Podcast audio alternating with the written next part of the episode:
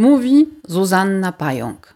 Konstelacją Kopernika to podcast Polek i Polaków z Oksitanii. Opowiada historię ludzi, którzy tu mieszkają, tworzą i pracują. Opowiada o emigracji, o asymilacji i o podwójnej kulturze. Konstelacją Kopernika to żywa biblioteka przeszłości i teraźniejszości naszej wspólnoty. Konstelacją Kopernika opowiada o tym, skąd tu przybyliśmy i co tu robimy. Konstelacją Kopernika opowiada o nas poza stereotypami.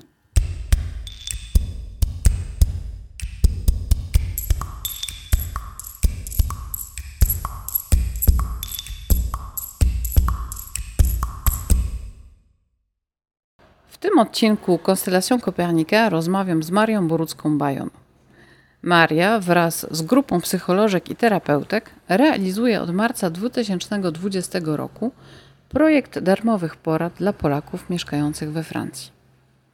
Początkowo konsultacje ograniczały się jedynie do sytuacji związanej z COVID-em, ale dosyć szybko zakres ich się rozszerzył i obejmuje teraz wsparcie w każdej sytuacji i potrzebie.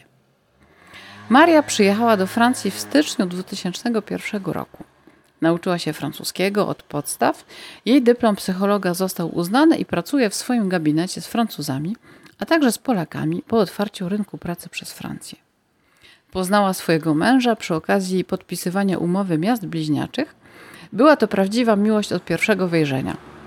On był w tym czasie zastępcą mera w Rielieu, a Maria była odpowiedzialna za promocję miasta w Urzędzie Miasta w Łęczycy.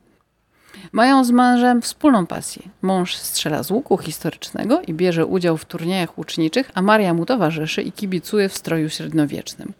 Maria ma dwie dewizy życiowe. Najstarsza, tą, którą zapamiętała od dzieciństwa, to semper idem, czyli zawsze ta sama, zawsze bądź sobą. A druga, drugą zapożyczyła od Antoana de Saint-Exupéry. Uczyń z twojego życia marzenie, a z marzenia rzeczywistość. Dzień dobry, Mario. Dzień dobry, Zuzanno. Mario, powiedz mi, co ty tutaj robisz i skąd ty się tutaj wzięłaś? Ja jestem psychologiem i pracuję w metropolii liońskiej, mam swój gabinet od 2005 roku, a znalazłam się tutaj we Francji. O, przyjechałam w 2001 roku, w styczniu. E, także, a, a w Polsce pochodzę z Łęczycy no, takiego małego miasteczka koło, w samym centrum Polski. W samym środku, środku. W środku, środku, tak. Środek geometryczny jest 19 kilometrów od nas. No proszę. W piątku. W piątku, dokładnie. W piątku. Czy w Polsce praktykowałaś już swój zawód, czy, że tak powiem, e, zainicjowałaś go dopiero we Francji? Nie, ja pracowałam bardzo długo w Polsce, bardzo dużo robiłam. Y, byłam no, nie tylko nawet psychologiem, ale też e, pracowałam, pracowałam też, kierowałam Wydziałem Promocji w Urzędzie Miasta w Łęczycy, więc robiłam bardzo dużo rzeczy i trochę się parałam dziennikarstwem takim radiowym, jako, jako korespondentka, że tak powiem, miejscowa. E, pisałam też taką gazetę miejską, więc wiele rzeczy robiłam w swoim życiu, ale cały czas bez przerwy pracowałam jako psycholog, bo to, to jest mój ulubiony zawód. Także uczyłam się non-stop też, pracowałam w szpitalu, i y, też no, jako ekspert y, sądowy do spraw nieletnich, y, także wiele, wiele rzeczy, wiele rzeczy różnych robiłam. Pracuję od ponad w sumie 30 lat, aż wstyd przyznać się. A może nie. To, to, w takim razie skąd motywacja i skąd pomysł, żeby y, przenieść się do Francji? A no właśnie, to się tak zaczęło dziwnie, taki splot okoliczności, kiedy y, pracowałam właśnie w Urzędzie Miasta w Wydziale Promocji. Zaczęła się, właściwie zaczęły się takie rozmowy, e, już nie będę wnikała w szczegóły, z miastem bliźniaczym, z ewentualnie e, podpisaniem umowy z miastem bliźniaczym we Francji, właśnie w Rieux-la-Pape, tu gdzie, gdzie teraz obecnie mieszkam, e, w metropolii liońskiej. W pewnym momencie przyjechałam tutaj no, jako jedna z właśnie z odpowiedzialnych osób na właśnie podpisanie umowy i No i właśnie, no i, i, i, i na takiej dużej sali, gdzie było bardzo, bardzo dużo osób, już właśnie w pisaniu tej umowy nagle zobaczyłam takiego faceta. On mnie też zobaczył, no i to był taki prawdziwy, jak to mówią Francuzi, coup foudre, czyli taki miłość od pierwszego wejrzenia. Po prostu doszliśmy do siebie, zaczęliśmy rozmawiać, no i tak zostało. I, i rzeczywiście e, no i jeździliśmy do siebie i, i, i w pewnym momencie no, należało zdecydować, e, bo ślub tutaj w Francji też, no i co dalej. No ja już miałam tam swoje też życie i, i swoją pracę i, i, dobrze zarabiałam, też rodzina. No ale w końcu no, zdecydowaliśmy, że ja to przyjadę, także zjawiłam się we Francji właściwie, przyjechałam za głosem serca, mogę tak powiedzieć. Jak, jak wyglądała Twoja asymilacja, jak wyglądało Twoje właśnie zakorzenienie się tutaj? Bo wyobrażam sobie, że jak człowiek przyjeżdża na studia, to jest taka, właściwie wszystko jest otwarte, jeszcze całe życie przed nim, więc może takie decyzje życiowe łatwiej się podejmuje trochę spontanicznie. A w Twoim przypadku było to, że tak powiemy, konstrukcja od samego początku czegoś, co już przeszłaś, więc drugi raz jakby odtwarzanie tego samego doświadczenia. Mhm, dokładnie, dokładnie tak. No, bardzo dobrze to ujęłaś. tak, tak było. Rzeczywiście, że ja zaczęłam po prostu od zera, łącznie z językiem, dlatego że my z mężem rozmawialiśmy po angielsku. E, nie znam e, francuskiego w ogóle. Ja miałam bardzo duże swoje już doświadczenie, jakiś dorobek życiowy, finansowy, prawda, sytuacja finansowa była bardzo dobra, u mnie w Polsce mieszkanie i, i, zaczę, i po prostu nagle zaczęłam wszystko zupełnie od nowa. I także to było przemyślane z jednej strony, z drugiej strony to był taki wybór, no, y, no, y, nie był łatwy, natomiast no, jednak, jednak tutaj to, to takie uczucie no, przeważyło. I y, po prostu, może też dlatego, że, że lubię jakieś takie wyzwania. I rzeczywiście przyjechałam, kiedy przyjechałam, to przyjechałam chyba, to było 6 no, czy 7 e, stycznia i następnego dnia zaczęłam e, uczyć się francuskiego w Alliance Française. Po prostu od zera, że tak powiem, od zera. E, no, I to był mój taki mm, przede wszystkim, no, żeby się zintegrować, żeby zacząć pracować, bo ja miałam taki zamiar, że e, chcę pracować w swoim zawodzie. No, co nie jest łatwe, dlatego że należy poznać że należy poznać ten język bardzo dobrze i to taki też język nie tylko literacki, ale taki y, język, język y, y, popularny, no, potoczny. I, I, w każdym razie ja zrobiłam wszystko, więc pracowałam bardzo, bardzo ciężko. Przez półtora roku to był taki no, sprint, bym powiedziała, żeby się nauczyć tego języka. Bardzo dużo pracowałam w domu nad tym y, i mm, jednocześnie zrobiłam później wszystkie egzaminy, jakie można zdać we Francji jeszcze, prawda, DALF, Delphi i tak dalej, więc to już co było można, dodatkowe jakieś jeszcze kursy, żeby jak najwięcej poznać tych, tych, ten, ten język. No i rzeczywiście tak się stało. Półtora roku to zrobiłam, także jest wszystko możliwe. Zapomniałam, że nie byłam jakaś ekstra, bardzo uzdolniona, ale po prostu bardzo zmotywowana.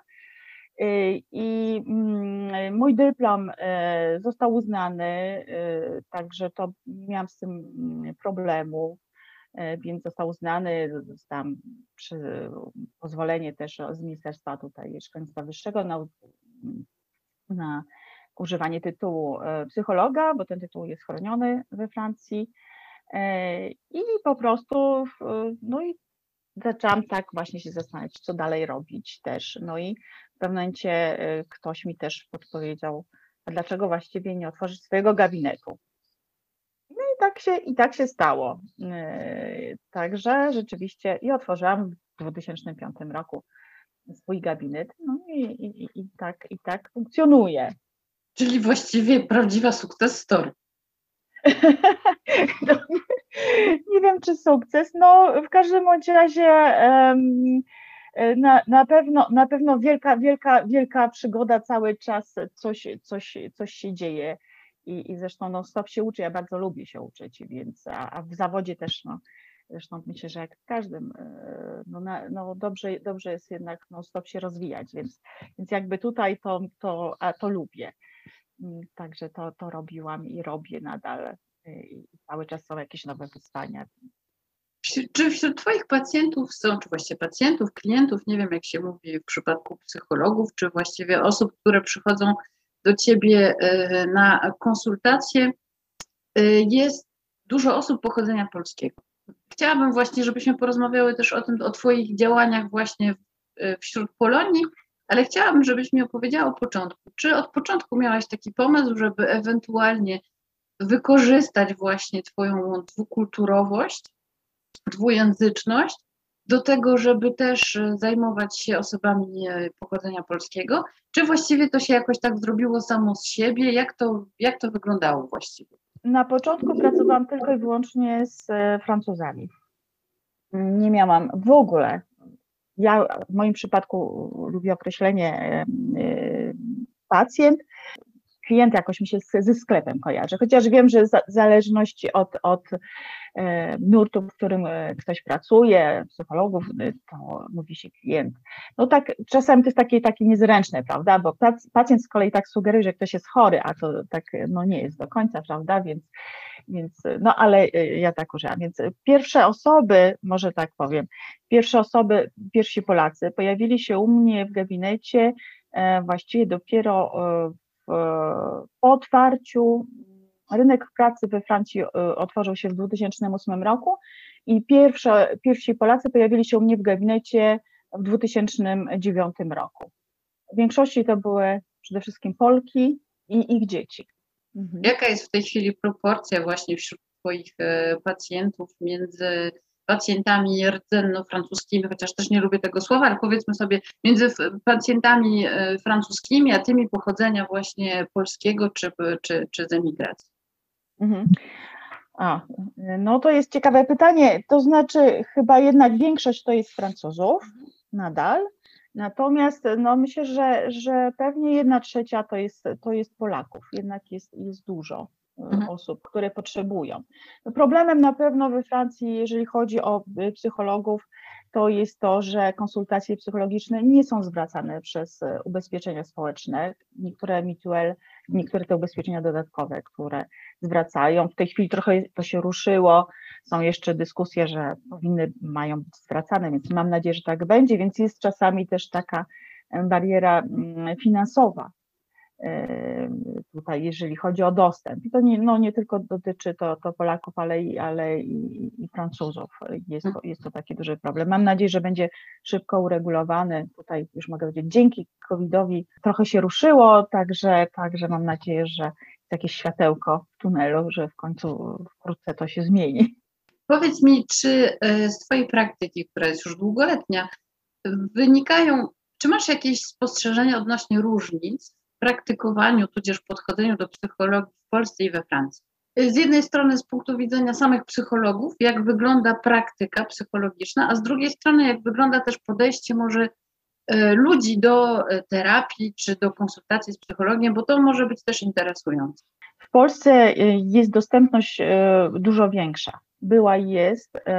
W Polsce można też, jest duży, du, dużo większy wybór, jeżeli chodzi o dostępność do psychologów, poni- ponieważ psycholo, psychologowie są zatrudniani właściwie wszędzie i jest ich dużo, więc i są dostępni, to jest, można, można po prostu za darmo korzystać z porady. E, Psycholog ma możliwość wyboru, prawda, że gabinet może, może podpisać umowę z Narodowym Funduszem Zdrowia, więc mogą być, e, może, e, więc są wtedy konsultacje darmowe, może pracować w gabinecie, który już ma podpisaną umowę, w przychodniach tak zwanych, i, i są bardzo poszukiwani wtedy, bo wtedy też to jest dostępne za darmo. Ewentualnie pracuje na 100% i, i, i to też jest taka forma, więc jest, jest ten wybór. Poza tym no, są dostępni jednak w różnych, w różnych instytucjach. Jest bardzo, bardzo też, e, to myślę, że to, czego tutaj też brakuje, e, przy szkołach, właśnie przy szkołach, e, w, miastach e, mm, są te poradnie wychowawczo-zawodowe, poradnie psychologiczno-pedagogiczne, gdzie pracują też i wspólnie podejmują decyzje też i, i dla szkół, testują dzieci, prawda, e, psychologowie, pedagogowie i, i logopedzi. No i to jest, i to jest, i, i także to jest, to jest e, tutaj różnica. E, i oczywiście w Polsce Polacy, Polacy myślę, że mają no, częściej idą do, do psychologa niż do lekarza psychiatry. Natomiast we Francji jest zupełnie inaczej. I, I tutaj być może to lobby takie psychiatrów, lekarzy psychiatrów, psycho, psychoanalityków, to mnie zawsze zaskoczyło, pierwsza rzecz, co z tą psychoanalizą we Francji, jest taka popularna, prawda? Jest, Francja jest krajem Lakona, więc trudno, żeby było inaczej. więc zupełnie to mnie zaskoczyło, natomiast tu rzeczywiście konsultacje psychologiczne nie są zwracane, więc jest y, mały dostęp. Częściej się mówi, prawda, i, i się wysyła wszystkich, do, właśnie lekarz, psychiatra przepisuje leki. Rzeczywiście, no Francuzi są mistrzami świata chyba w przyjmowaniu, prawda, leków y, i antydepresantów. Niektórzy nawet, y, miałam już taką rodzinę francuską, gdzie nawet pies przyjmował antydepresanty, więc byli wszyscy. Jest, jest jakby zupełnie takie, takie odwrócenie ta dostępność do, e, do psychologów darmowych, prawda, to jest we Francji no jednak e, w, to się nazywa Centre Médico-Psychologique, e, w tych centrach medyczno-psychologicznych. No jest na przykład tak jak u mnie w mieście, miasto jest 30-tysięczne, jest jeden psycholog, który i to nie na miasto, tylko na trzy miasta w obrębie więc tutaj jakby kolejka no, należy czekać. Godzin, y, y, no, y, należy czekać ponad rok, nawet już chyba teraz, bo to się wydłużyło strasznie, bo to było kilka miesięcy, rok. Więc jest, jest, ten, jest ten problem z tą dostępnością i z tą kulturą, więc w tej chwili się zaczęło i się cieszę bardzo z tego, że właśnie też no, dzięki COVID-owi, to co można zobaczyć pozytywnego w czymś takim negatywnym, to jest to, że, że w końcu zaczyna się dostrzegać to, że, że jednak ta rozmowa psychologiczna, że kontakt z psychologiem, że leki są oczywiście są potrzebne też, ale e, bardzo często e, taka rozmowa, e, czy właśnie jakaś psychoterapia jest bardzo potrzebna też i, i być może, że czasami może bardziej pomóc i nie, nie zawsze musimy sięgać po leki wysłuchanie przez kogoś, to jest niesamowicie ważne. To jest ten problem też w szkołach, prawda, że tutaj e, dziecko, które ma problem szkolny, jakby mm, to jest, e, to mnie zaskoczyło, kiedy szkoła wysyła dziecko na badania, na testy e, do psychologów, którzy pracują właśnie w gabinetach, więc i rodzice mają płacić za to. No to, jest, to, jest, to jest coś nie tak, to jest niesprawiedliwe i ziemia z celem w ogóle. No, mam nadzieję, że to się szybko zmieni, bo to już rzeczywiście y, zaczęły się te dyskusje, więc mam nadzieję, że wkrótce będzie. Jest to problematyka, którą znam częściowo, ponieważ sama kiedyś y, potrzebowałam pomocy właśnie hmm? i moją psychoterapią zajął się właśnie mój psychiatra. Y, mhm. Głównie właśnie z powodów, których wspominasz, z powodów bariery dostępności finansowej, ponieważ nie było w tym momencie mnie po prostu nienormalnie w świecie stać na to, żeby y, pójść na prywatne konsultacje. I moja pani psychiatra po y, zatrzymaniu już y, leków, bo stwierdziła, że już nie są mi do niczego potrzebne, ale wiedziała, że potrzebuje mimo wszystko cały czas jeszcze wsparcia, a wzięła na siebie właśnie to wsparcie terapeutyczne, mówiąc mi jednocześnie, że ona zdaje sobie sprawę właśnie, że system nie funkcjonuje, nie jest efektywny, i nie jest to pierwsza osoba, która mówiła mi na ten temat, właśnie e, psychiatry czy inni, czy nawet miałam do czynienia też z kilkoma seksuologami, którzy mówili, że brakuje właśnie takiej e, polityki prewencji zdrowia e, psychicznego, że mm, nie traktuje się tego jako właściwie do, w związku z tym, że Sécurité Sociale, czyli te nasze francuskie ubezpieczenie zdrowotne, trochę zatrzymało się w latach 70. czy 80. i mają jeszcze trochę problem przejścia właśnie na, na czy zmodernizowania się, czy zrozumienia, że świat współczesny funkcjonuje, tyle funkcjonuje inaczej, co rozumuje inaczej i że mamy coraz większą świadomość tego, że e, nie wystarczy, że właściwie, że leczyć, że czasami e, lepiej jest coś zrobić przed, niż żeby właśnie doprowadzić do sytuacji, w której trzeba już rozwinąć w jakiejkolwiek dziedzinie, czy to jest dziedzina zdrowia psychicznego, czy jakakolwiek inna, że lepiej właśnie zająć się problemami wcześniej, zanim one powstaną, niż żeby potem leczyć te, które już w jakiś tam sposób e, zrobiły się bardzo poważne. Mam nadzieję, że też, że ta dyskusja, e, która się w tej chwili otworzyła na poziomie politycznym, bo tak na dobrą sprawę to o to tutaj chodzi, e, zakończy i że ten dostęp właśnie do różnego typu wsparcia, bo mówimy o dzieciach, więc na przykład w Tuluzie jest tylko czterech neuropediatrów, a dzieci mhm. z dysfunkcjami jest y, sporo, więc żeby tutaj się przetestować, musisz poczekać pół roku. Więc tak na dobrą sprawę brakuje narzędzi do tego, żeby niektóre rzeczy rozwiązać właściwie na poziomie ich powstania. Mhm, dokładnie, mhm, tu masz rację. Też mam nadzieję, że, że w tej chwili coś się zmieni i, i także, także no, to jest o tyle dobre. Teraz jest też taka e, tutaj walka, przy, walka, no, batalia się zaczęła właściwie z, między też e, właśnie e, z, w związku z tymi konsultacjami, które mogą być właśnie zwracane przez Security Social, żeby osoba nie musiała przechodzić, prawda, nie mieć skierowania od lekarza mm, ogólnego, e, od lekarza rodzinnego, tylko żeby każdy mógł bezpośrednio przyjść po prostu do psychologa, już nie szukając gdzieś tam tej ścieżki, prawda, ze skierowaniem, tylko bez skierowania, żeby to było jeszcze bardziej dostępne. Więc zobaczę, bo to są po prostu w tej chwili toczą się te rozmowy pomiędzy tymi związkami psychologów, zawodowymi psychologów i, i, i właściwie to jest też, no tak jak mówisz, to jest na poziomie cały czas parlamentu, to jest e, na, na poziomie politycznym, to jeszcze nie wyszło stamtąd. Więc Mam nadzieję, że to się szybko jakoś skończy i, i, i rzeczywiście będzie ta dostępność i ta normalność, kiedy każdy będzie mógł przejść i, i jest, jest olbrzymia potrzeba, to jest wielka potrzeba. No właśnie, porozmawiajmy o tej potrzebie. Jak ty to widzisz, że tak powiem? Czy, czy masz wrażenie, że z, z czasem w trakcie twojej praktyki, czy masz coraz większą, że tak powiem, zapotrzebowanie, czy coraz więcej osób do ciebie się zwraca, czy coraz mniej? Jak to właściwie wygląda i czy zmieniają się też może nie tyle problemy, czy zmienia się tematyka, dla, czy powody, dla których ludzie szukają wsparcia? Jest, no jest coraz więcej osób. Nie wiem, czy to powiedzieć niestety, czy e, no, czy stety, właśnie. Natomiast jest, jest bardzo, bardzo duże zapotrzebowanie. Oczywiście już pomijam, no teraz e, od mm, ponad roku, prawda, związane, związane z, z COVID-em, prawda, z tą sytuacją, która która była wyjątkowo, jest wyjątkowo, wyjątkowo trudna dla wszystkich, kiedy nagle się okazało, prawda, że ten COVID nam pokazał, że coś niewidzialnego potrafi zatrzymać wszystko i wszystkich e, i, i, i jest coś, i że życie, świat może być zupełnie nieprzewidywalny, nieplanowalny, niekontrolowalny.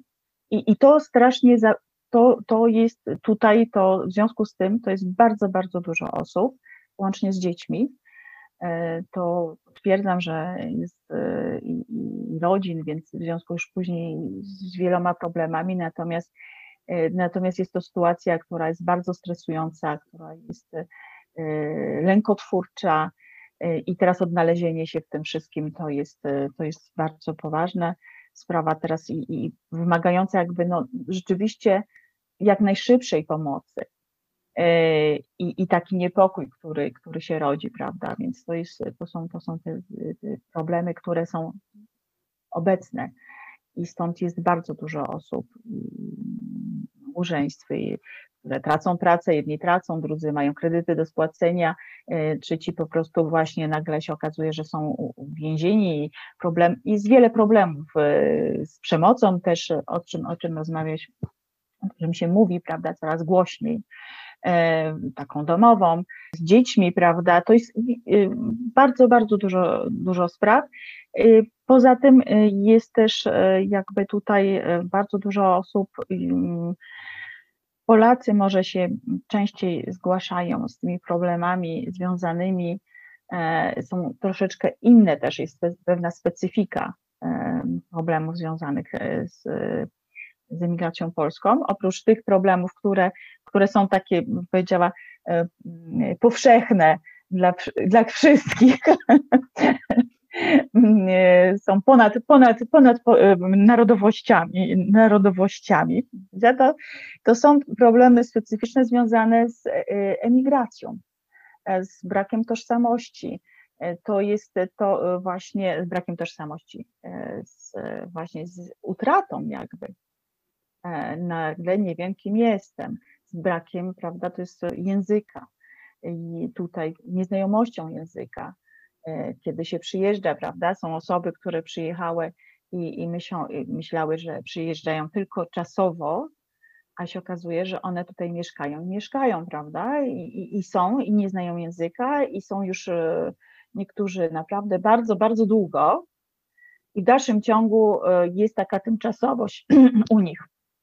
Mm, jestem tutaj, prawda? Nie, ja wrócę. No kiedy? Nie wiem. I tu jest wiele takich problemów, e, rodzi się i, i w związku też pogubienie się, odnalezienie. Dobrze zadać to pytanie o tej E, asymilacja, bardziej powiedziała może o takiej też identyfi e, identyfikacji, o e, integracji, prawda? Integracja, kiedy ja staję się częścią jakiejś wspólnoty. I to jest bardzo ważne, jeżeli tego nie ma. Ja się starałam zresztą w moim, w moim życiu, prawda, że, że, stałam się tutaj jakby częścią tej wspólnoty też i, i miasteczkowej takiej naszej, w tym naszym mieście i, i, i, prawda, i we, we Francji też oczywiście, bo ja tutaj też mieszkam. E, mi się mogą rzeczy podobać, nie podobać, natomiast, natomiast ja jestem częścią i się odnajduję, odnajduję się tu i teraz. To jest odtwarzanie, to jest, to jest tworzenie, e, budowanie właściwie naszej tożsamości. Kim jestem, jakie są moje wartości, co jest dla mnie ważne, i tutaj jest wiele rzeczy, dlatego ten język, on jest bardzo ważny, żeby się odnaleźć. Jeżeli ktoś się nie odnajduje, to w tym momencie to powoduje zupełnie inne, jeszcze dodatkowe problemy. Kiedy ja tracę swoje poczucie, tożsamość jest ważna, żeby mieć to, też to poczucie takie bezpieczeństwa, przynależności, e, poczucie też e, takiej swojej pewności siebie po prostu dokonywania wyboru, e, rozumienia tego, co się dzieje. Jeżeli ja nie, nie mam, prawda, jeżeli ten świat dla mnie jest tylko światem takim tymczasowym i ja żyję dobrze, jeżeli ja jestem tylko tutaj po to, żeby zarobić i wracam, prawda, i to jest czasowa emigracja, która jest emigracją tylko i wyłącznie zarobkową, ale ja wracam, to jest co innego. Natomiast jeżeli ja już sprowadzam swoją rodzinę, albo są tutaj dzieci, prawda, czy one się tu rodzą, czy nie, to my już, już nie jesteśmy emigracją zarobkową. My jesteśmy, jesteśmy już tutaj na stałe. I tu się pojawiają takie właśnie problemy z kolei związane też z dziećmi, że dzieci, które jeżeli były ściągnięte z Polski, i tu było bardzo dużo tych problemów związanych z dziećmi, mm, kiedy e, dzieci przyjeżdżały, ja miałam w gabinecie dzieci, które no ma się nauczyć, tak, a dziecko się szybko uczy języka, to nie ma problemu, prawda? Mama czy tata, bo to zależy później też jest drugi problem, jakie to są związki, czy są związki mieszane, czy to są związki po, e, prawda, polsko-polskie, prawda, małżeństwa, pary jakieś polsko-polskie, czy, czy polsko-francuskie, czy polsko jeszcze z innymi narodowościami, więc są jeszcze inne, inne kolejne problemy y, też związane z językiem e, i się okazuje, że, że wtedy e, no tak, takiego dzieciaczka się sprowadza i, i idziesz do szkoły, tak, no i ten dzieciaczek E, no, ma się nauczyć, jest rzucony na głęboką wodę, on nie zawsze chce. To nie jest jego wybór tutaj, prawda, przyjazd. I tu się pojawia ten problem. E, ma się nauczyć tego języka i dzieci się uczą tego języka oczywiście, natomiast jest to, to nie jest tak, że, że to jest w ogóle taka bułka z masłem, tak, to jest nic się nie dzieje, dobra, no super, ten, ten, ten moje dziecko się tak szybko nauczyło. Dobrze, ale jest to okupione jakimś stresem, frustracjami, czasami i porażkami szkolnymi. E, a czasami jest też bunt. Ja wcale tutaj nie chcę być, ja chcę wrócić, ja chcę, prawda, być e, tam moi koledzy, tam moja rodzina, tam moja szkoła, zaczynają się buntować, prawda? Tutaj ja nie, nie rozumiem o co chodzi, jestem wykluczony, z, jest wiele, wiele wykluczony z, z grupy i teraz tutaj się pojawia naprawdę, to są, a jeżeli rodzice mm, jeszcze zmieniają kraje i języki przy okazji, to w tym momencie y, to ja już miałam takie dziecko u siebie w gabinecie, które zmieniało wraz z rodzicami trzy kraje i trzy języki, zupełnie różne, za każdym razem od początku. Natomiast rodzice jakby no, pozostali na poziomie języka polskiego tylko. I e, ja na tych konferencjach, na których też mówię o tym, zawsze mówię, dziecko to nie jest walizka.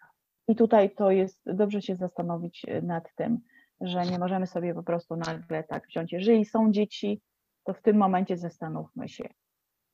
Czym innym jest E, rodziny, które e, pracują, na przykład rodziny dyplomatów, rodziny osób, które pracują, prawda, gdzieś e, za granicą i, i wiadomo, że oni po prostu jeżdżą i będą się przemieszczali i, i to jest zupełnie co innego, dlatego że oni generalnie mają jakiś, prawda, ten punkt odniesienia i to jest z góry zaplanowane. Jeżeli tutaj E, e, a jeżeli tego nie ma i my przyjeżdżamy i nagle się okazuje, dobra, tu jesteśmy, a się okazuje, że no ale teraz nie, zmieniamy zdanie, tak?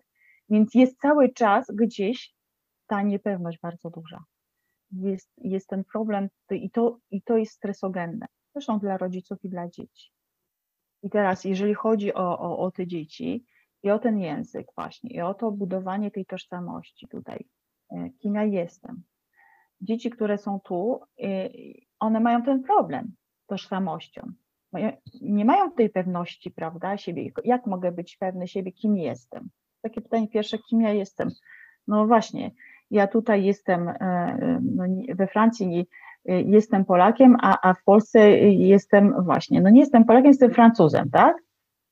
Albo na przykład dziecko się czuje, że, które się urodziło tutaj, no Francuzem, tak? Później może tam gdzieś Polakiem. Y, I, i teraz kolei bardzo ciekawa taka sprawa, to jest stosunek rodziców właśnie do języka francuskiego.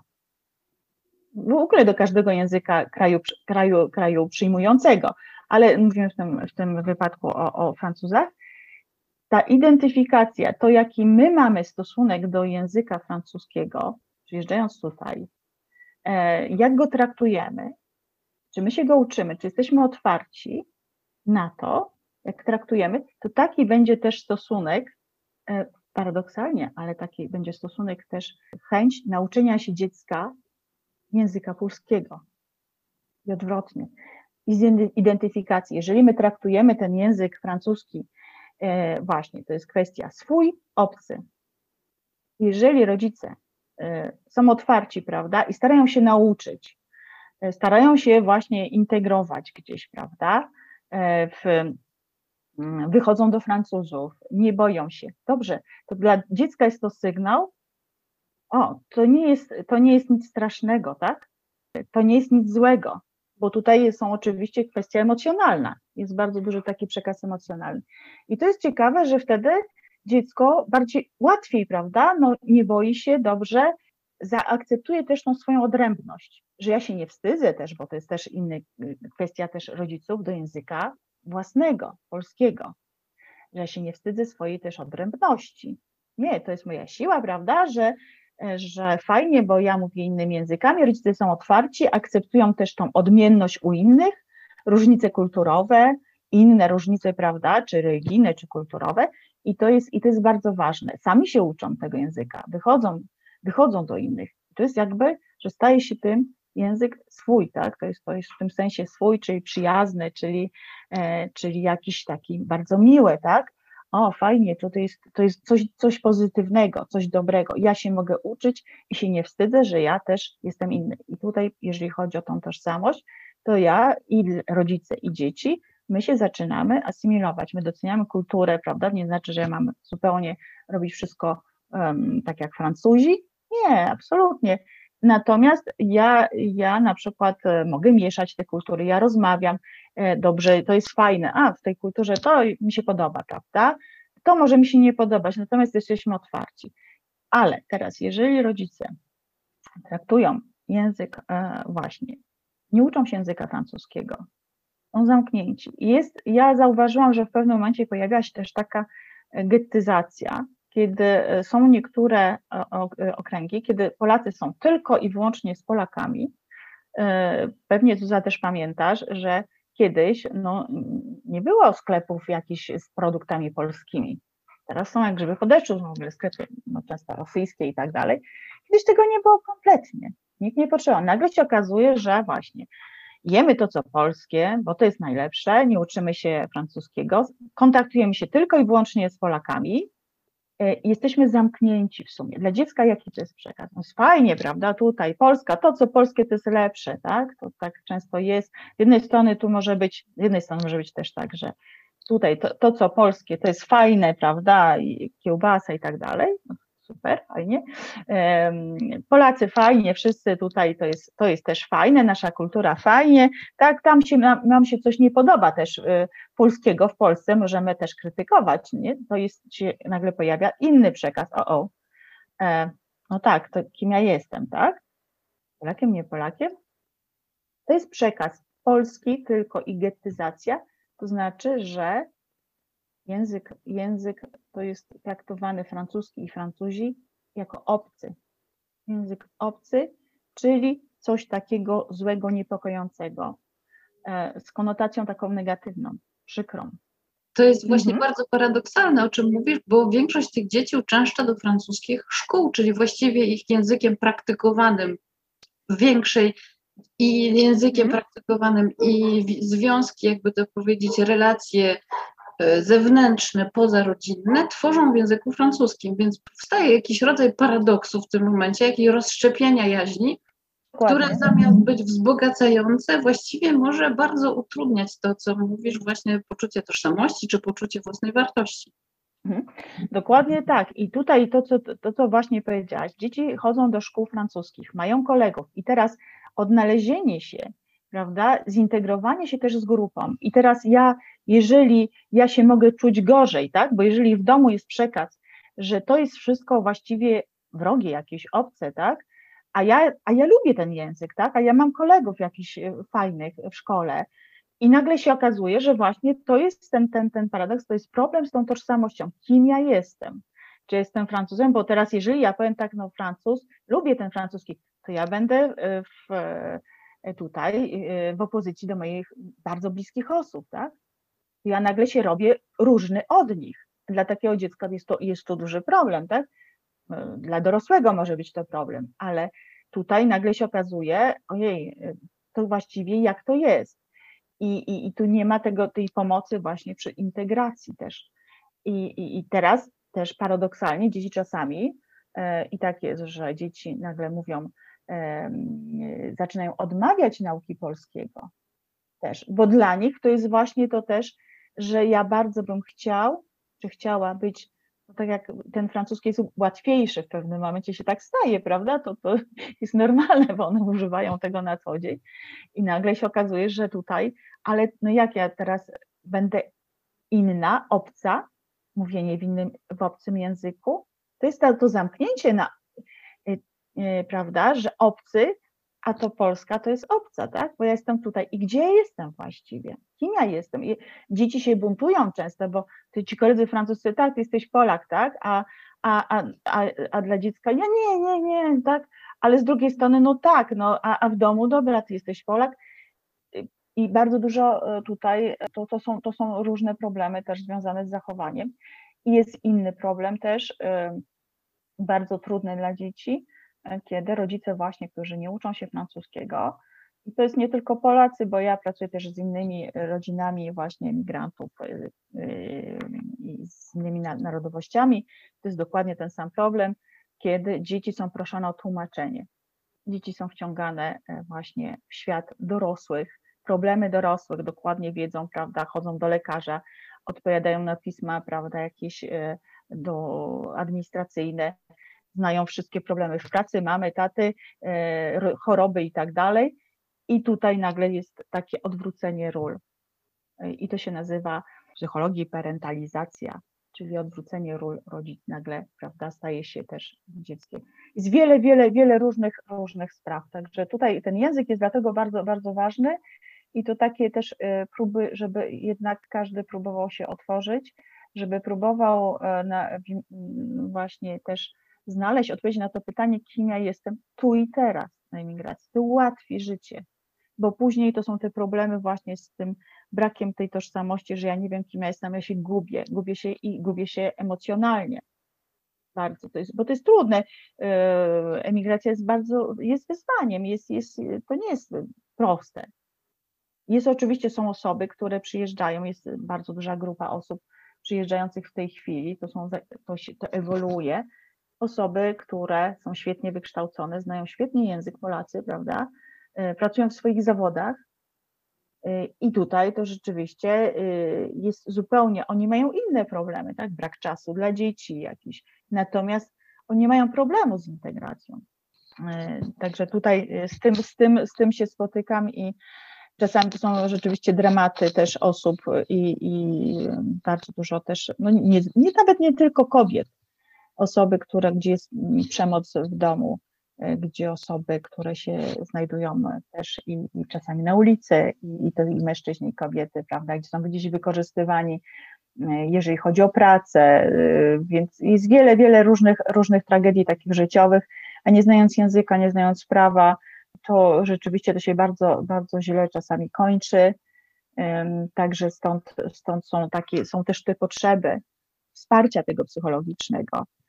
I nie tylko psychologicznego, bo też, też i, i, i prawnego, żeby ktoś powiedział, prawda, wytłumaczył, kierował, bo w Polsce wiedzieliśmy, gdzie pójść, do kogo, mniej więcej możemy się orientować w prawie, chociaż też oczywiście nie zawsze. Natomiast no, w kraju innym, obcym, jeżeli jeszcze nie znamy języka, to jest, to jest straszne. Od jakiegoś czasu właśnie zorganizowałaś Ty i kilka innych koleżanek i kolegów po fachu grupę właśnie wsparcia dla Polonii. Jesteście mhm. dostępni telefonicznie. Każda z Was, z tych osób, które uczestniczy w, tym, w, tej, w tej grupie wsparcia, E, daje trochę ze swojego czasu właśnie, żeby zidentyfikować problemy, żeby otworzyć taką furtkę dla osób, które mogłyby się czuć całkowicie zagubione. Opowiedz mi o tej inicjatywie właśnie, bo współpracujecie od jakiegoś czasu z konsulatem, ale stworzyłyście taką twardą grupę właśnie, e, spore, właściwie jest was tam dziewięć. Dokładnie więc... dziewięć. Dziewięć to jest bardzo dobra, ale widzisz, już jest was właściwie, to już jest, że tak powiem, drużyna e, bardzo. Tak, dokładnie. To nie jest inicjatywa indywidualna, ale już teraz projekt taki, taki solidny. I funkcjonujecie właśnie, jest w tej grupie, jest, są i psycholożki, i coachy, i doradcy zawodowi. Opowiedz mi mhm. o tej inicjatywie, jak to, się, jak to się, że tak powiem, wyłoniło i w jaki sposób funkcjonujecie w tej chwili. To zaczęło się, zaczęło się w czasie tego, tej pierwszej izolacji confinement e, w marcu w ubiegłym roku po prostu to, to takie było spontaniczne, kiedy nagle wszyscy zostaliśmy prawda, zamknięci. I ja, ja zadzwoniłam, tak sobie myślałam, no, no teraz dobrze byłoby pomóc może prawda, osobom, bo to jest taka sytuacja stała się no, bardzo, bardzo trudna. I e, zadzwoniłam do kilku koleżanek, e, czy, czy one się na to zgodzą. No i one się zgodziły. I zaczęłyśmy dyżurować. Zrobiłyśmy dyżury takie i to były związane z, właśnie wtedy z z koronawirusem, z tymi problemami związanymi i po prostu ludzie do nas dzwonili. Z czasem dołączyły się do nas kolejne koleżanki i to z różnych części też Francji. I taka powstała grupa dziewięcioosobowa i dyżurowałyśmy 7 dni na 7, prawie od rana do wieczora, dając ten swój czas, prawda, i, i, i osoby dodzwoniły do nas i, i było bardzo no, bo to zupełnie wtedy były zupełnie inne te problemy związane e, przede wszystkim właśnie z, z koronawirusem, e, z COVID-em, e, z odizolowaniem, z lękami i tak dalej. Bardzo wiele osoby, które nagle zdawały też były i, i traciły pracę, studenci polscy, którzy nagle zda, znaleźli się gdzieś w Paryżu czy, czy gdzieś w Bionie, prawda, no, zamknięci i, i bez perspektyw, e, więc było, to, było tego bardzo dużo. I okazało się, że e, potem my stwierdziłyśmy, e, bardzo fajnie nawiązałyśmy takie, no, nie znałyśmy się ze wszystkimi, ale, ale stworzyłyśmy taką fajną, silną ekipę osób, które bardzo chcą, prawda, coś, coś robić dalej i wspólnie. I stwierdziliśmy, że będziemy jednak kontynuować. No dobrze, no to, to po wakacjach było to prawda, e, pierwszy ten, stwierdziliśmy, że e, kończymy, jak było to, prawda, już no, na początku lipca, ale właściwie dobra, to my będziemy kontynuować to. I e, wtedy dostałyśmy też, bo były cały czas telefony jednak, już nie tylko związane z tymi sprawami covidowymi. ja napisałam projekt, też poprosiłam, czy będziemy chciały, dobra, no to chcemy, kontynuujemy od września, z tym, że już dwa razy zrobiliśmy dwa razy w tygodniu. Pani konsul bardzo nalegała wtedy ówczesna, że jednak dobrze byłaby kontynuować i kontynuowałyśmy i kontynuowałyśmy dwa razy w tygodniu. Wtedy było to już, już też i przy takim nawet wsparciu też częściowo finansowym konsulatu do końca roku. Już wtedy się otworzyliśmy, też były inne też problemy. No i e, od stycznia stwierdziliśmy, że właściwie to dalej kontynuujemy. I z, z, tym, że już w tej chwili kontynuujemy, robimy te, te dyżury, mamy tylko we wtorki od 18 do 19 pod jednym numerem telefonu, też koleżanka, która, e, psycholog, która nam udostępniła też swój numer telefonu, też przekierowuje rozmowy, więc y, mamy maile i, i ludzie y, piszą do nas, dzwonią z różnymi, z różnymi problemami. Oczywiście to nie jest rodzaj terapii, to jest rodzaj takiego wsparcia psychologicznego, każdy może zadzwonić z każdym problemem, jaki ma. Dzieci też, młodzież też może dzwonić. Także tutaj zachęcam, żeby osoby dzwoniły prawda, do nas a wcześniej były, e, były też konsultacje e, takie właśnie darmowe, e, to były po prostu wyjazdowe.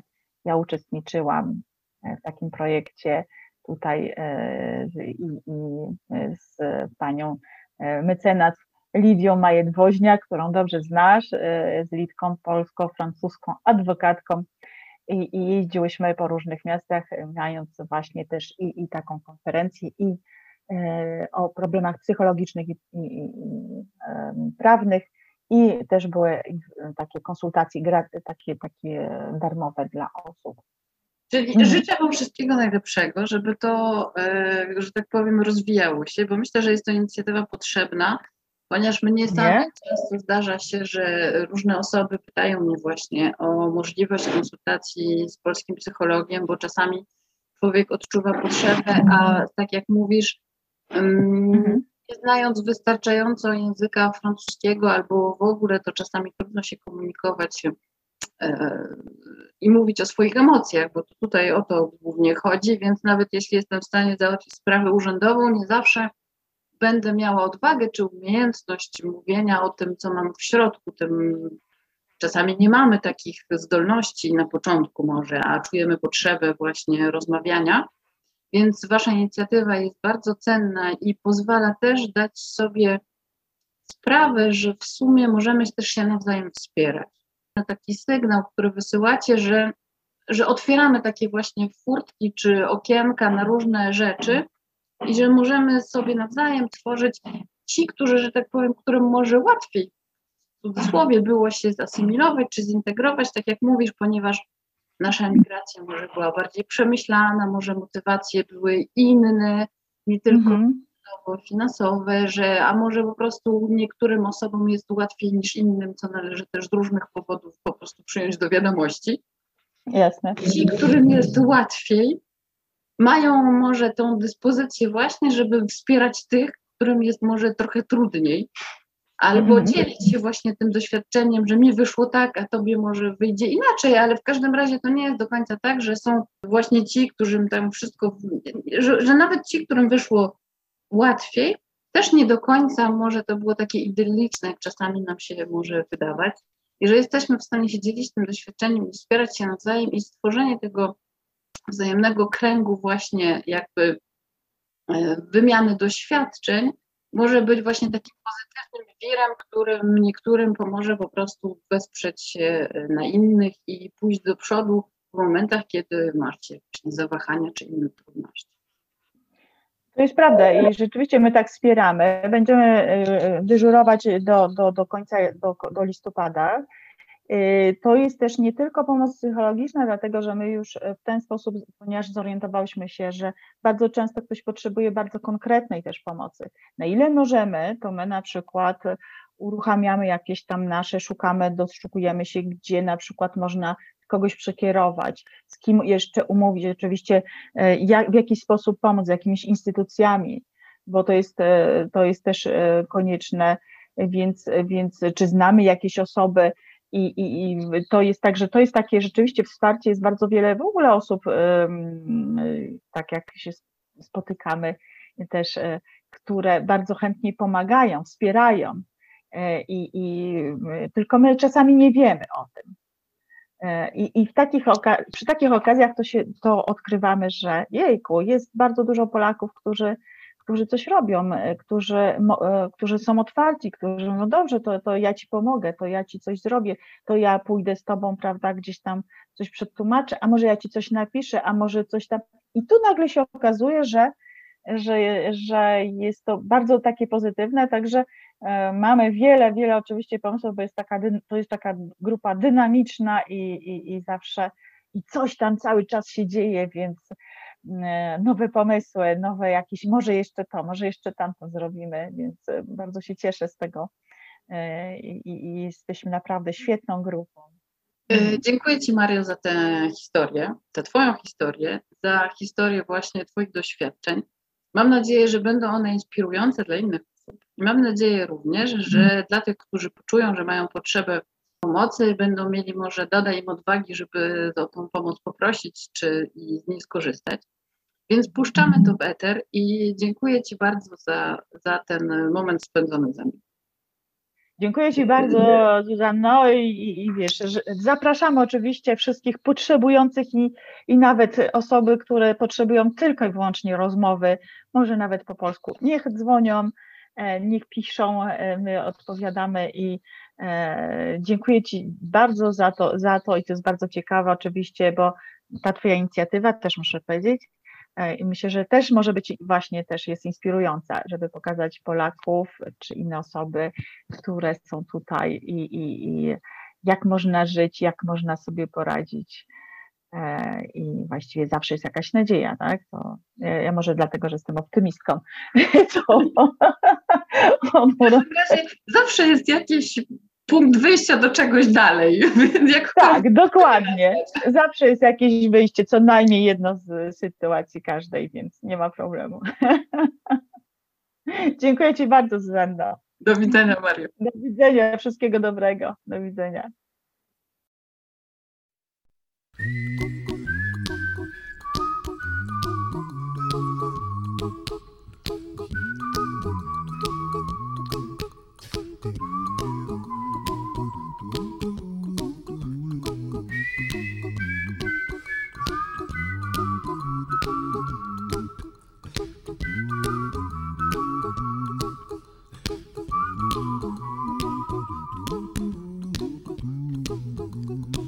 A little song I wrote. You might want to sing it note for note. Don't worry. Be happy. In every life we have some trouble. But when you worry, you make it double. Don't worry. Be happy. Don't worry. Be happy now. Worry. Be happy. Don't worry, be happy.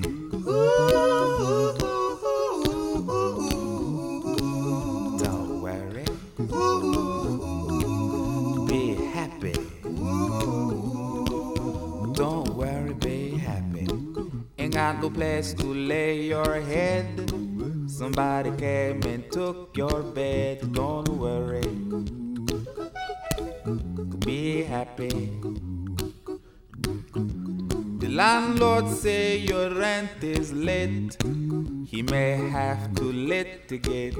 Don't worry. Be happy. Look at me, I'm happy.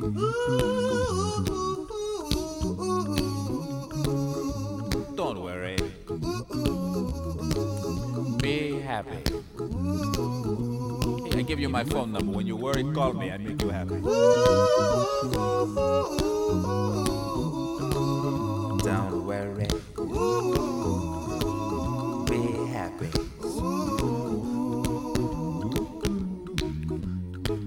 Ain't got no cash, ain't got no style, ain't got no gal to make you smile, but don't worry Be happy.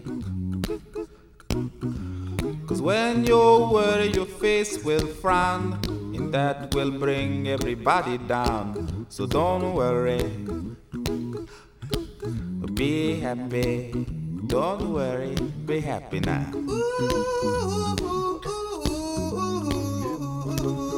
Don't worry. Be happy. Don't worry, be happy.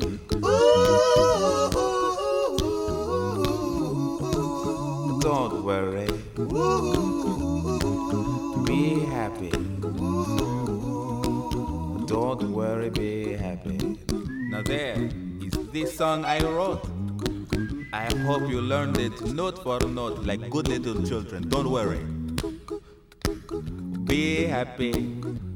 Listen to what I say. In your life, expect some trouble. But when you worry, you make it double. Don't worry. Be happy. Be happy now. Don't worry. Be happy. Don't worry, be happy. Don't worry. Be happy.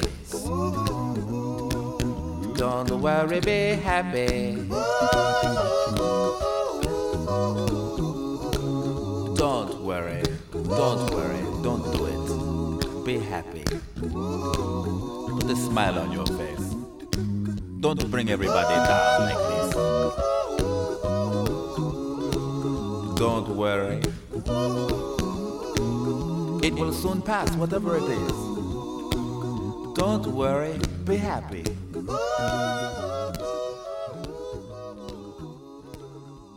I'm not worried.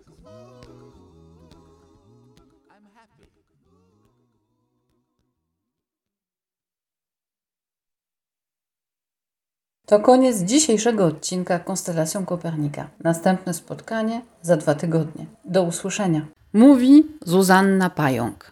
Konstelacją Kopernika to podcast Polek i Polaków z Oksitanii. Opowiada historię ludzi, którzy tu mieszkają, tworzą i pracują. Opowiada o emigracji, o asymilacji i o podwójnej kulturze.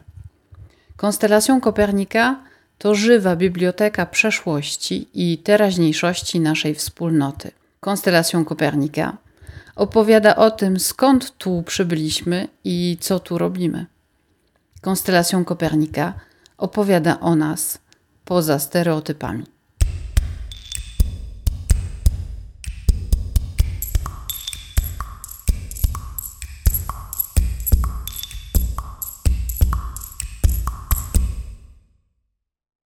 W tym odcinku Konstelacją Kopernika rozmawiam z Marią Borucką-Bajon.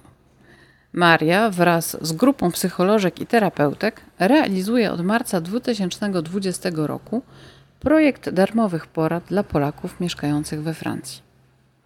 Początkowo konsultacje ograniczały się jedynie do sytuacji związanej z COVID-em, ale dosyć szybko zakres ich się rozszerzył i obejmuje teraz wsparcie w każdej sytuacji i potrzebie.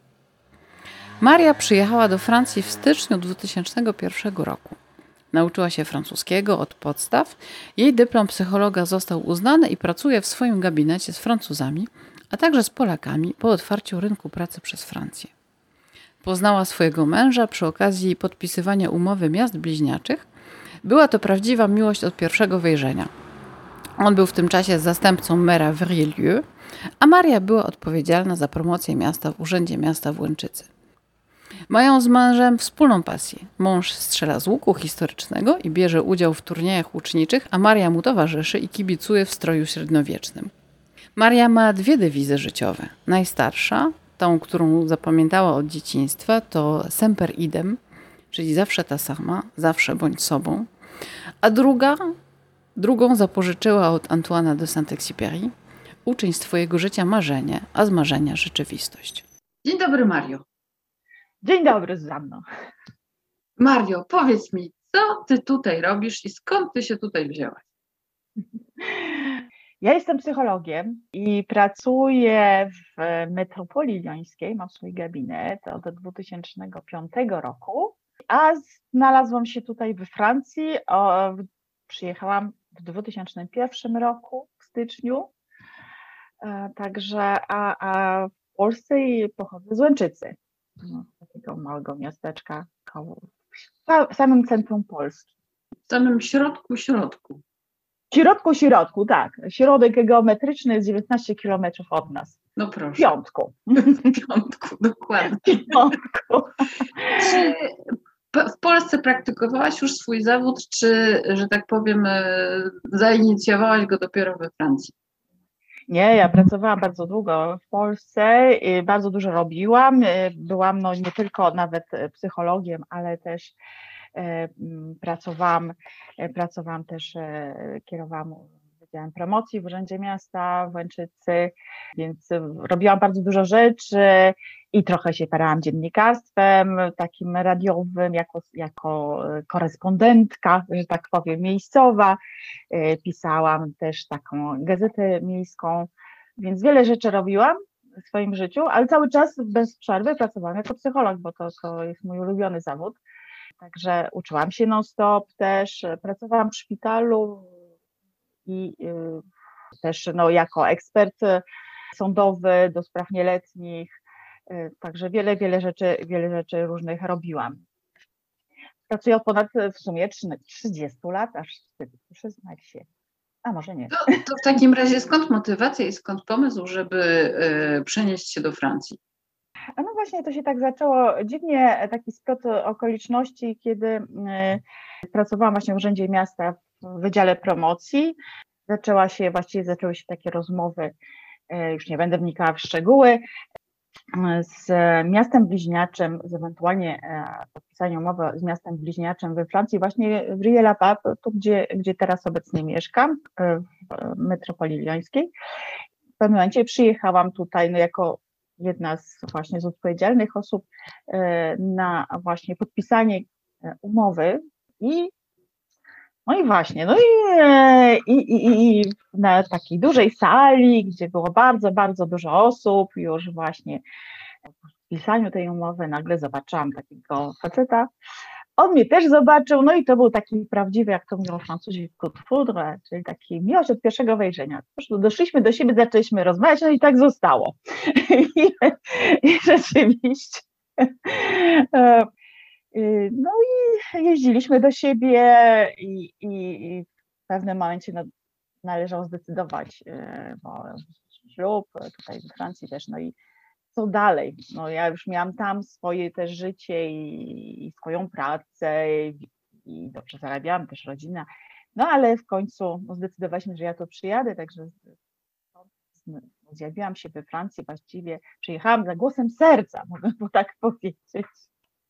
Jak, jak wyglądała Twoja asymilacja, jak wyglądało Twoje właśnie zakorzenienie się tutaj? Bo wyobrażam sobie, że jak człowiek przyjeżdża na studia, to jest taka, właściwie wszystko jest otwarte, jeszcze całe życie przed nim, więc może takie decyzje życiowe łatwiej się podejmuje trochę spontanicznie. A w Twoim przypadku było to, że tak powiem, konstrukcja od samego początku czegoś, co już przeszłaś, więc drugi raz jakby odtwarzanie tego samego doświadczenia. Mhm, dokładnie, dokładnie tak. E, no, bardzo dobrze to ujęłaś. E, tak, tak było. Rzeczywiście, że e, ja zaczęłam po prostu od zera, łącznie z językiem, dlatego że my z mężem rozmawialiśmy po angielsku. Nie znam francuskiego w ogóle.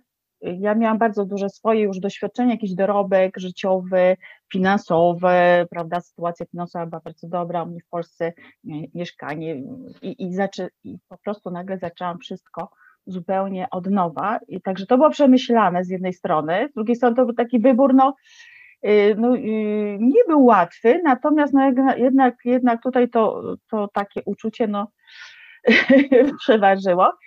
I y, po prostu, może też dlatego, że, że lubię jakieś takie wyzwania. I rzeczywiście przyjechałam, kiedy przyjechałam, to przyjechałam chyba, to było 6 no, czy 7 e, stycznia i następnego dnia zaczęłam e, uczyć się francuskiego w Alliance Française. Po prostu od zera, że tak powiem, od zera. No i to był mój taki mm, przede wszystkim, no, żeby się zintegrować, żeby zacząć pracować, bo ja miałam taki zamiar, że chcę pracować w swoim zawodzie.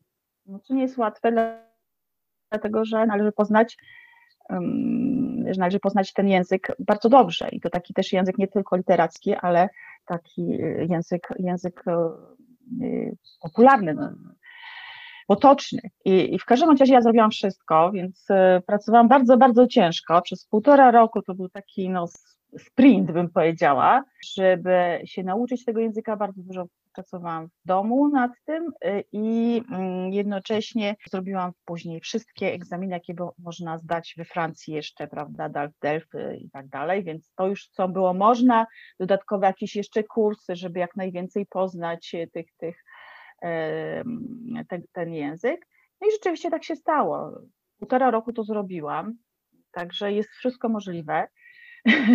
Zapomniałam, że nie byłam jakaś ekstra, bardzo uzdolniona, ale po prostu bardzo zmotywowana. Y, I mm, mój dyplom y, został uznany, y, także to miałam z tym mm, problemu, więc został uznany, dostałam pozwolenie też z Ministerstwa tutaj Szkolnictwa Wyższego na, na używanie tytułu psychologa, bo ten tytuł jest chroniony we Francji. E, I po prostu, no i zaczęłam tak właśnie się zastanawiać, co dalej robić też. No i w pewnym momencie e, ktoś mi też podpowiedział, a dlaczego właściwie nie otworzyć swojego gabinetu. No i tak się, i tak się stało. E, także rzeczywiście i otworzyłam w 2005 roku swój gabinet, no i, i, i, tak, i tak funkcjonuje. Czyli właściwie prawdziwa sukces story. nie wiem, czy sukces. No, w każdym razie um, na, na, pewno, na pewno wielka, wielka, wielka przygoda cały czas, coś, coś, coś się dzieje. I, i zresztą no, stop się uczy, ja bardzo lubię się uczyć, więc a, a w zawodzie też no, Zresztą myślę, że jak w każdym, e, no, na, no dobrze, dobrze jest jednak no, stop się rozwijać, więc, więc jakby tutaj to, to, a to lubię. Mm, także to, to robiłam i robię nadal. Y, I cały czas są jakieś nowe wyzwania. Czy wśród Twoich pacjentów są, czy właściwie pacjentów, klientów, nie wiem jak się mówi w przypadku psychologów, czy właściwie osób, które przychodzą do Ciebie y, na konsultacje, y, jest dużo osób pochodzenia polskiego. Chciałabym właśnie, żebyśmy porozmawiały też o tym, o Twoich działaniach właśnie wśród Polonii, ale chciałabym, żebyś mi opowiedziała o początku. Czy od początku miałaś taki pomysł, żeby ewentualnie wykorzystać właśnie Twoją dwukulturowość, dwujęzyczność do tego, żeby też zajmować się osobami pochodzenia polskiego? Czy właściwie to się jakoś tak zrobiło samo z siebie? Jak to, jak to wyglądało właściwie? Na początku pracowałam tylko i wyłącznie z e, Francuzami. Nie miałam w ogóle ja w moim przypadku lubię określenie e, pacjent. Klient jakoś mi się ze sklepem kojarzy, chociaż wiem, że w zależności od, od e, nurtu, w którym e, ktoś pracuje, psychologów, to mówi się klient. No tak, czasami to jest takie, takie niezręczne, prawda, bo pacjent z kolei tak sugeruje, że ktoś jest chory, a to tak no nie jest do końca, prawda, więc więc, no ale y, ja tak użyłam. Więc pierwsze osoby, może tak powiem, pierwsze osoby, pierwsi Polacy pojawili się u mnie w gabinecie e, właściwie dopiero e, w, po otwarciu. Rynek pracy we Francji e, otworzył się w 2008 roku i pierwsze, pierwsi Polacy pojawili się u mnie w gabinecie w 2009 roku. W większości to były przede wszystkim Polki i ich dzieci. Mhm. Jaka jest w tej chwili proporcja właśnie wśród Twoich e, pacjentów między pacjentami rdzenno-francuskimi, chociaż też nie lubię tego słowa, ale powiedzmy sobie między pacjentami e, francuskimi, a tymi pochodzenia właśnie polskiego czy, czy, czy z emigracji? Mhm.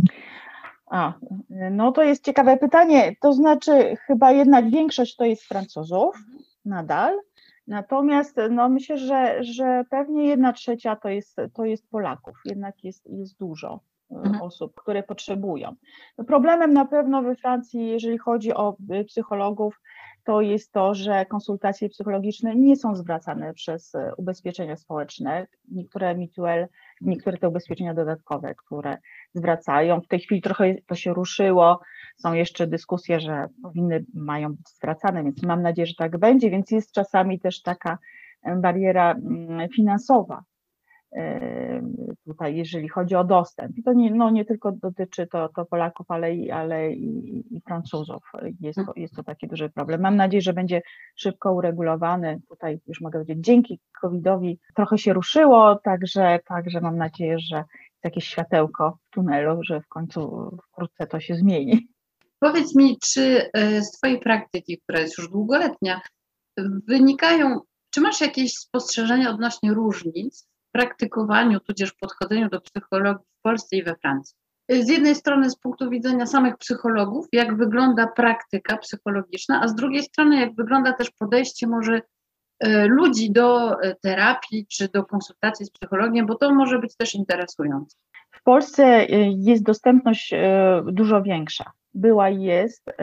W Polsce można też, jest duży, dużo większy wybór, jeżeli chodzi o dostępność do psychologów, ponieważ psychologowie są zatrudniani właściwie wszędzie i jest ich dużo, więc i są dostępni, to jest, można, można po prostu za darmo korzystać z porady. Y, psycholog ma możliwość wyboru, prawda, że gabinet może, może podpisać umowę z Narodowym Funduszem Zdrowia, więc mogą być, y, może, y, więc są wtedy konsultacje darmowe, może pracować w gabinecie, który już ma podpisaną umowę, w przychodniach tak zwanych, i, i są bardzo poszukiwani wtedy, bo wtedy też to jest dostępne za darmo. Ewentualnie pracuje na 100% i, i, i to też jest taka forma, więc jest, jest ten wybór. Poza tym no, są dostępni jednak w różnych, w różnych instytucjach, jest bardzo, bardzo też, e, to myślę, że to, czego tutaj też brakuje e, przy szkołach, właśnie przy szkołach, e, w, miastach są te poradnie wychowawczo-zawodowe, poradnie psychologiczno-pedagogiczne, gdzie pracują też i wspólnie podejmują decyzje też i, i dla szkół, testują dzieci, prawda, psychologowie, pedagogowie i, i logopedzi. No i to jest, i to jest, i, i także to jest, to jest tutaj różnica. E, I oczywiście w Polsce Polacy, Polacy myślę, że mają, e, no, e, częściej idą do, do psychologa niż do lekarza psychiatry. Natomiast we Francji jest zupełnie inaczej.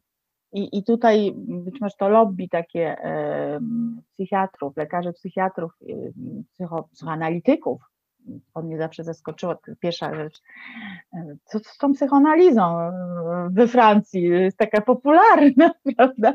Jest, Francja jest krajem Lakona, więc trudno, żeby było inaczej.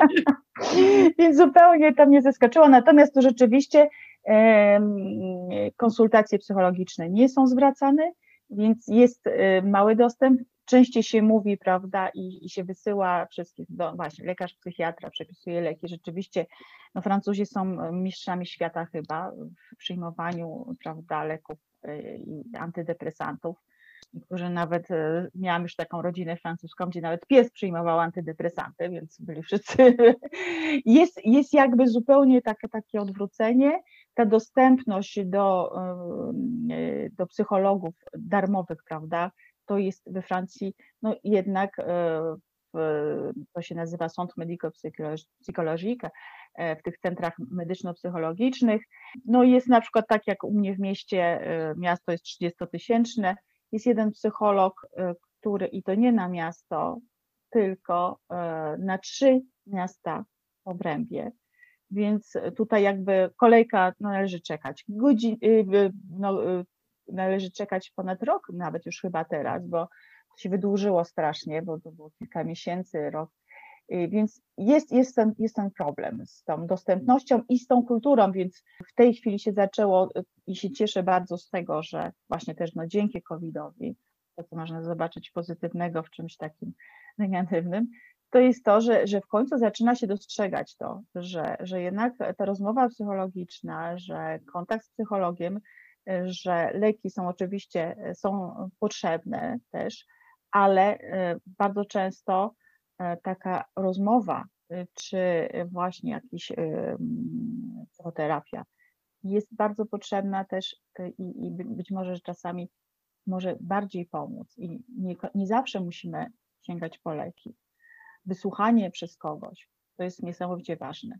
To jest ten problem też w szkołach, prawda, że tutaj e, dziecko, które ma problem szkolny, jakby mm, to jest, e, to mnie zaskoczyło, kiedy szkoła wysyła dziecko na badania, na testy e, do psychologów, którzy pracują właśnie w gabinetach, więc i rodzice mają płacić za to. No to, jest, to, jest, to jest coś nie tak, to jest niesprawiedliwe i to się mija z celem w ogóle. No, mam nadzieję, że to się szybko zmieni, bo to już rzeczywiście zaczęły się te dyskusje, więc mam nadzieję, że wkrótce będzie. Jest to problematyka, którą znam częściowo, ponieważ sama kiedyś y, potrzebowałam pomocy właśnie hmm? i moją psychoterapią zajął się właśnie mój psychiatra.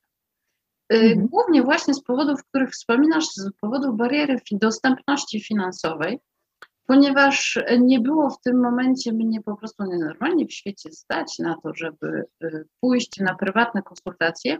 I moja pani psychiatra po y, zatrzymaniu już leków, bo stwierdziła, że już nie są mi do niczego potrzebne, ale wiedziała, że potrzebuje mimo wszystko cały czas jeszcze wsparcia, a wzięła na siebie właśnie to wsparcie terapeutyczne, mówiąc mi jednocześnie, że ona zdaje sobie sprawę właśnie, że system nie funkcjonuje, nie jest efektywny, i nie jest to pierwsza osoba, która mówiła mi na ten temat, właśnie e, psychiatra czy inni, czy nawet miałam do czynienia też z kilkoma seksuologami, którzy mówili, że brakuje właśnie takiej e, polityki prewencji zdrowia e, psychicznego, że mm, nie traktuje się tego jako właściwie do, w związku z tym, że Sécurité Sociale, czyli te nasze francuskie ubezpieczenie zdrowotne, trochę zatrzymało się w latach 70. czy 80.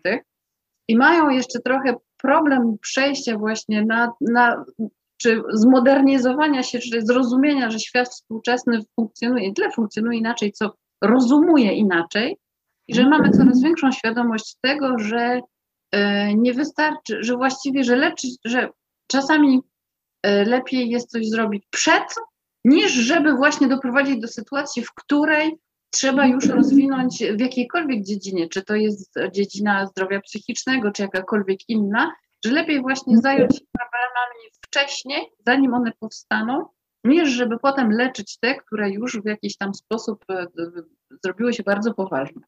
Mam nadzieję, że też, że ta dyskusja, e, która się w tej chwili otworzyła na poziomie politycznym, bo tak na dobrą sprawę to o to tutaj chodzi, e, zakończy i że ten dostęp właśnie do różnego typu wsparcia, bo mówimy o dzieciach, więc na przykład w Tuluzie jest tylko czterech neuropediatrów, a dzieci mhm.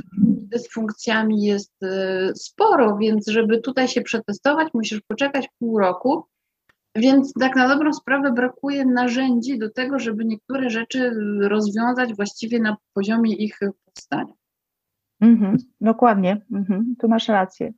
Też mam nadzieję, że, że w tej chwili coś się zmieni i, i E, także, także no, to jest o tyle dobre. Teraz jest też taka e, tutaj walka, przy walka, no, batalia się zaczęła właściwie z, między też e, właśnie z w związku z tymi konsultacjami, które mogą być właśnie zwracane przez Security Social, żeby osoba nie musiała przechodzić, prawda, nie mieć skierowania od lekarza mm, ogólnego, od lekarza rodzinnego, tylko żeby każdy mógł bezpośrednio przyjść po prostu do psychologa, już nie szukając gdzieś tam tej ścieżki, prawda, ze skierowaniem, tylko bez skierowania, żeby to było jeszcze bardziej dostępne więc zobaczę, bo to są po prostu w tej chwili toczą się te rozmowy pomiędzy tymi związkami psychologów, zawodowymi psychologów i, i, i właściwie to jest też, no tak jak mówisz, to jest na poziomie cały czas parlamentu, to jest na, na poziomie politycznym, to jeszcze nie wyszło stamtąd. Więc Mam nadzieję, że to się szybko jakoś skończy i,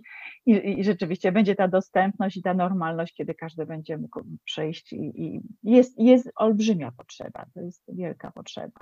No właśnie, porozmawiajmy o tej potrzebie. Jak ty to widzisz, że tak powiem? Czy, czy masz wrażenie, że z, z czasem w trakcie twojej praktyki, czy masz coraz większą, że tak powiem, zapotrzebowanie, czy coraz więcej osób do ciebie się zwraca, czy coraz mniej? Jak to właściwie wygląda i czy zmieniają się też może nie tyle problemy, czy zmienia się tematyka, dla, czy powody, dla których ludzie szukają wsparcia? jest, no jest coraz więcej osób.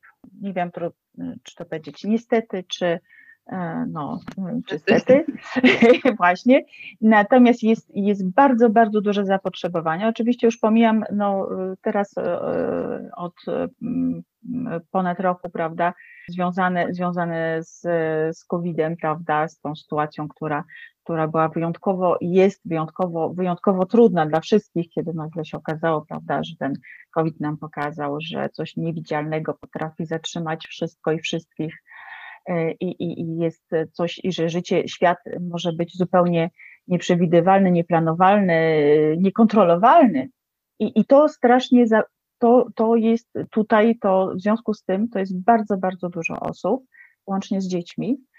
E, to twierdzam, że jest e, i, rodzin, więc w związku już później z wieloma problemami, natomiast, natomiast jest to sytuacja, która jest bardzo stresująca, która jest lękotwórcza i teraz odnalezienie się w tym wszystkim to jest, to jest bardzo poważna sprawa teraz i, i wymagająca jakby no rzeczywiście jak najszybszej pomocy.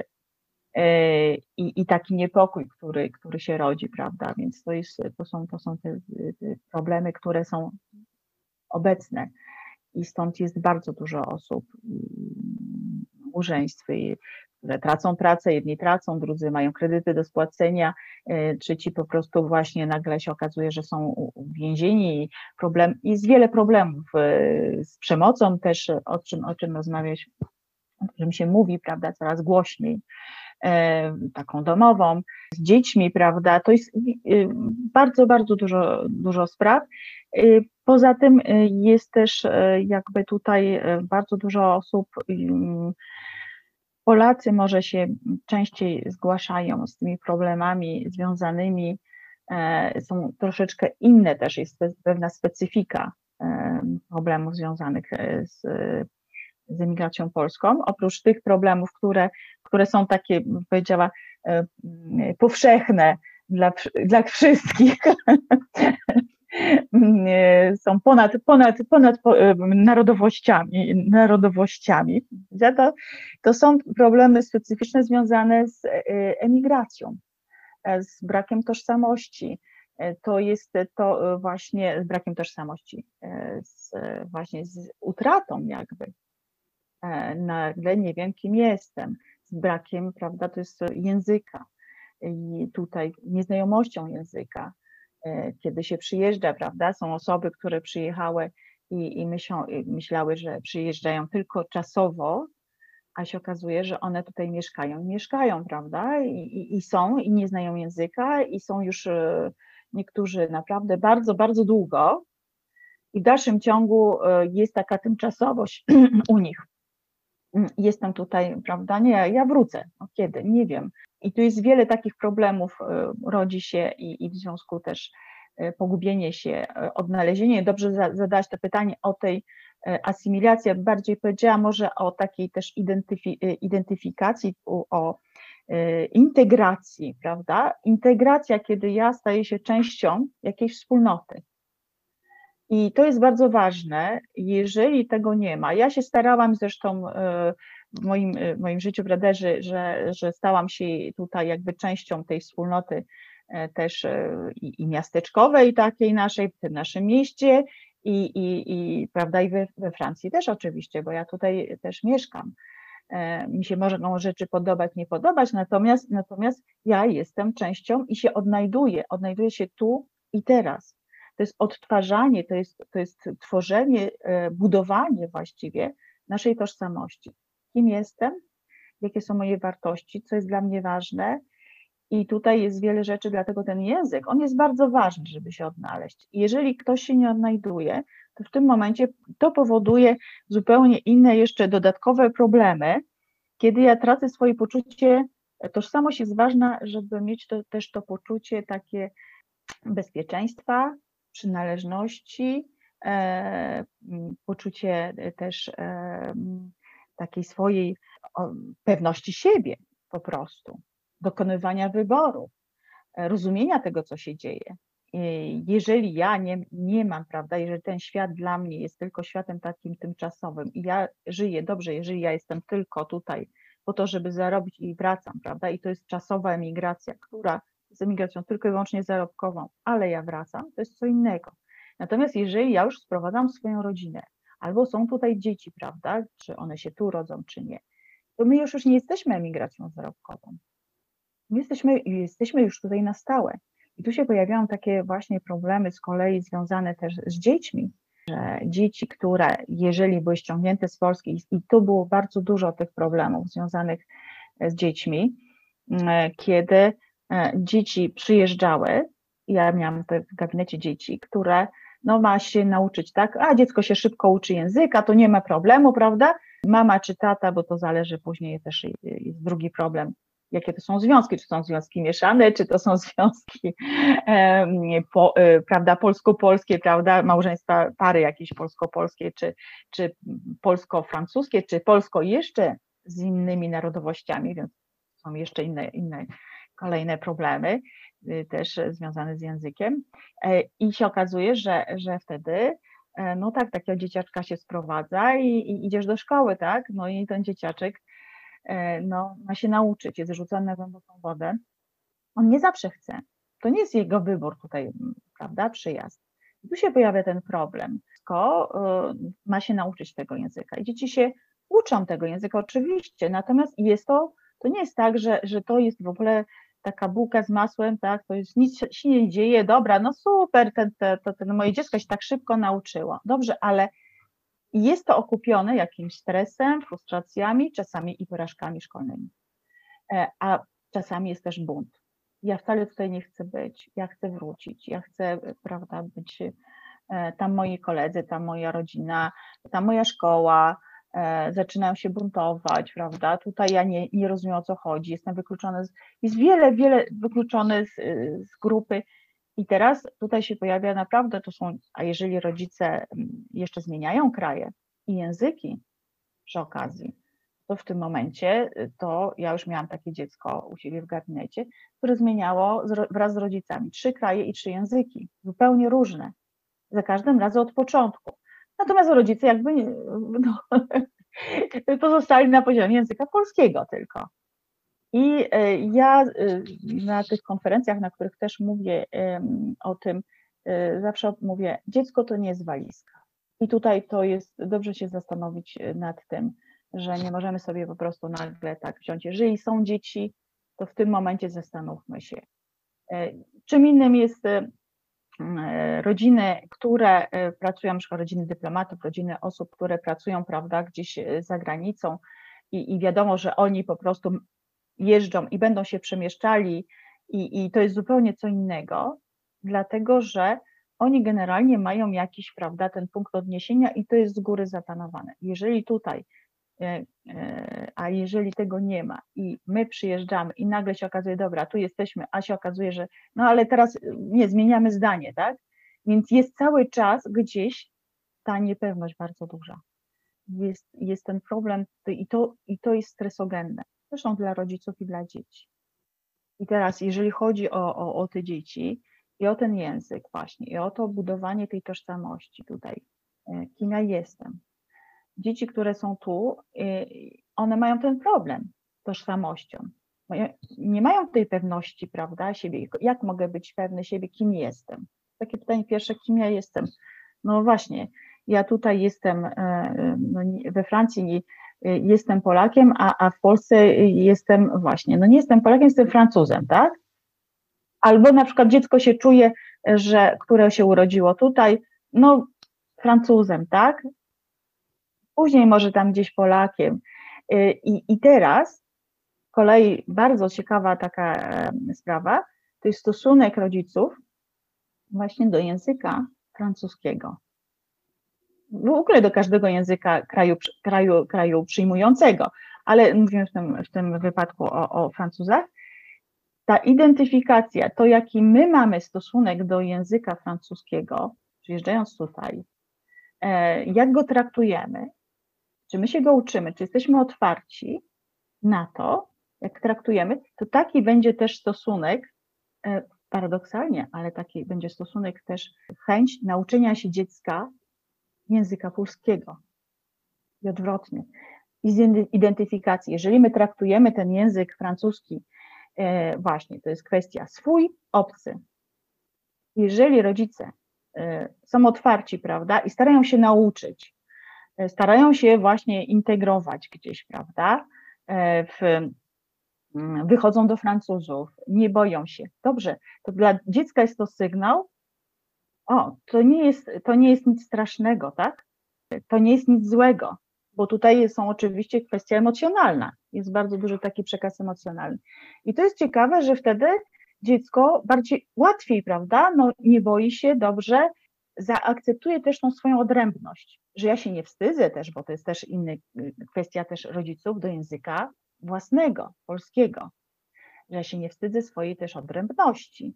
Nie, to jest moja siła, prawda, że że fajnie, bo ja mówię innymi językami, rodzice są otwarci, akceptują też tą odmienność u innych, różnice kulturowe, inne różnice, prawda, czy religijne, czy kulturowe, i to jest, i to jest bardzo ważne. Sami się uczą tego języka, wychodzą, wychodzą do innych. To jest jakby, że staje się tym język swój, tak? To jest, to jest w tym sensie swój, czyli przyjazny, czyli, e, czyli jakiś taki bardzo miły, tak?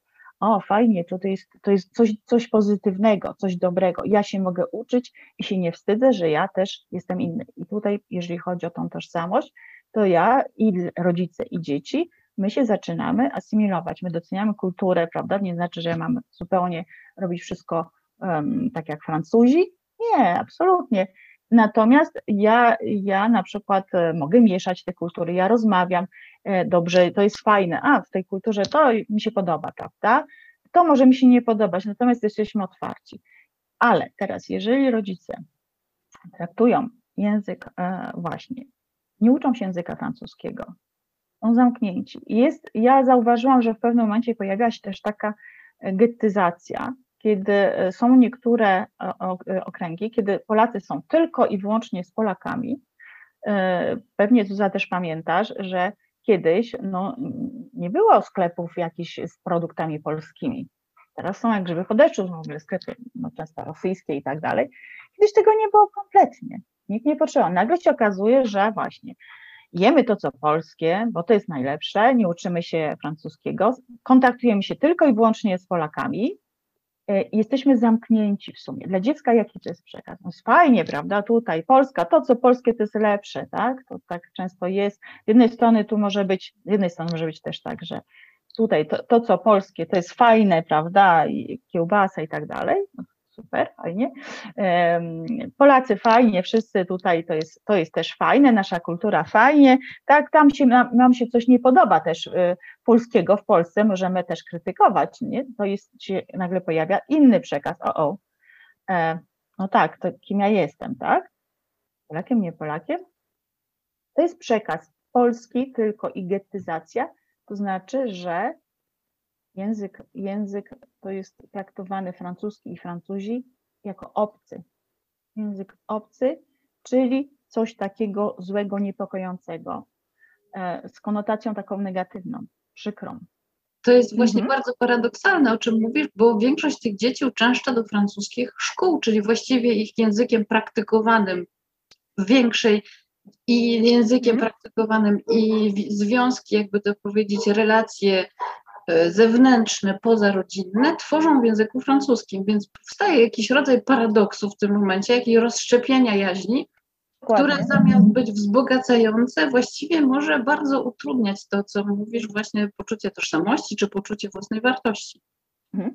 Dokładnie tak. I tutaj to co, to, co właśnie powiedziałaś, dzieci chodzą do szkół francuskich, mają kolegów i teraz odnalezienie się prawda? Zintegrowanie się też z grupą. I teraz ja, jeżeli ja się mogę czuć gorzej, tak? Bo jeżeli w domu jest przekaz, że to jest wszystko właściwie wrogie, jakieś obce, tak? A ja, a ja lubię ten język, tak? A ja mam kolegów jakichś e, fajnych w szkole. I nagle się okazuje, że właśnie to jest ten, ten, ten paradoks, to jest problem z tą tożsamością. Kim ja jestem? Czy jestem Francuzem? Bo teraz, jeżeli ja powiem tak, no Francuz, lubię ten francuski, to ja będę e, w, E, tutaj e, w opozycji do moich bardzo bliskich osób, tak?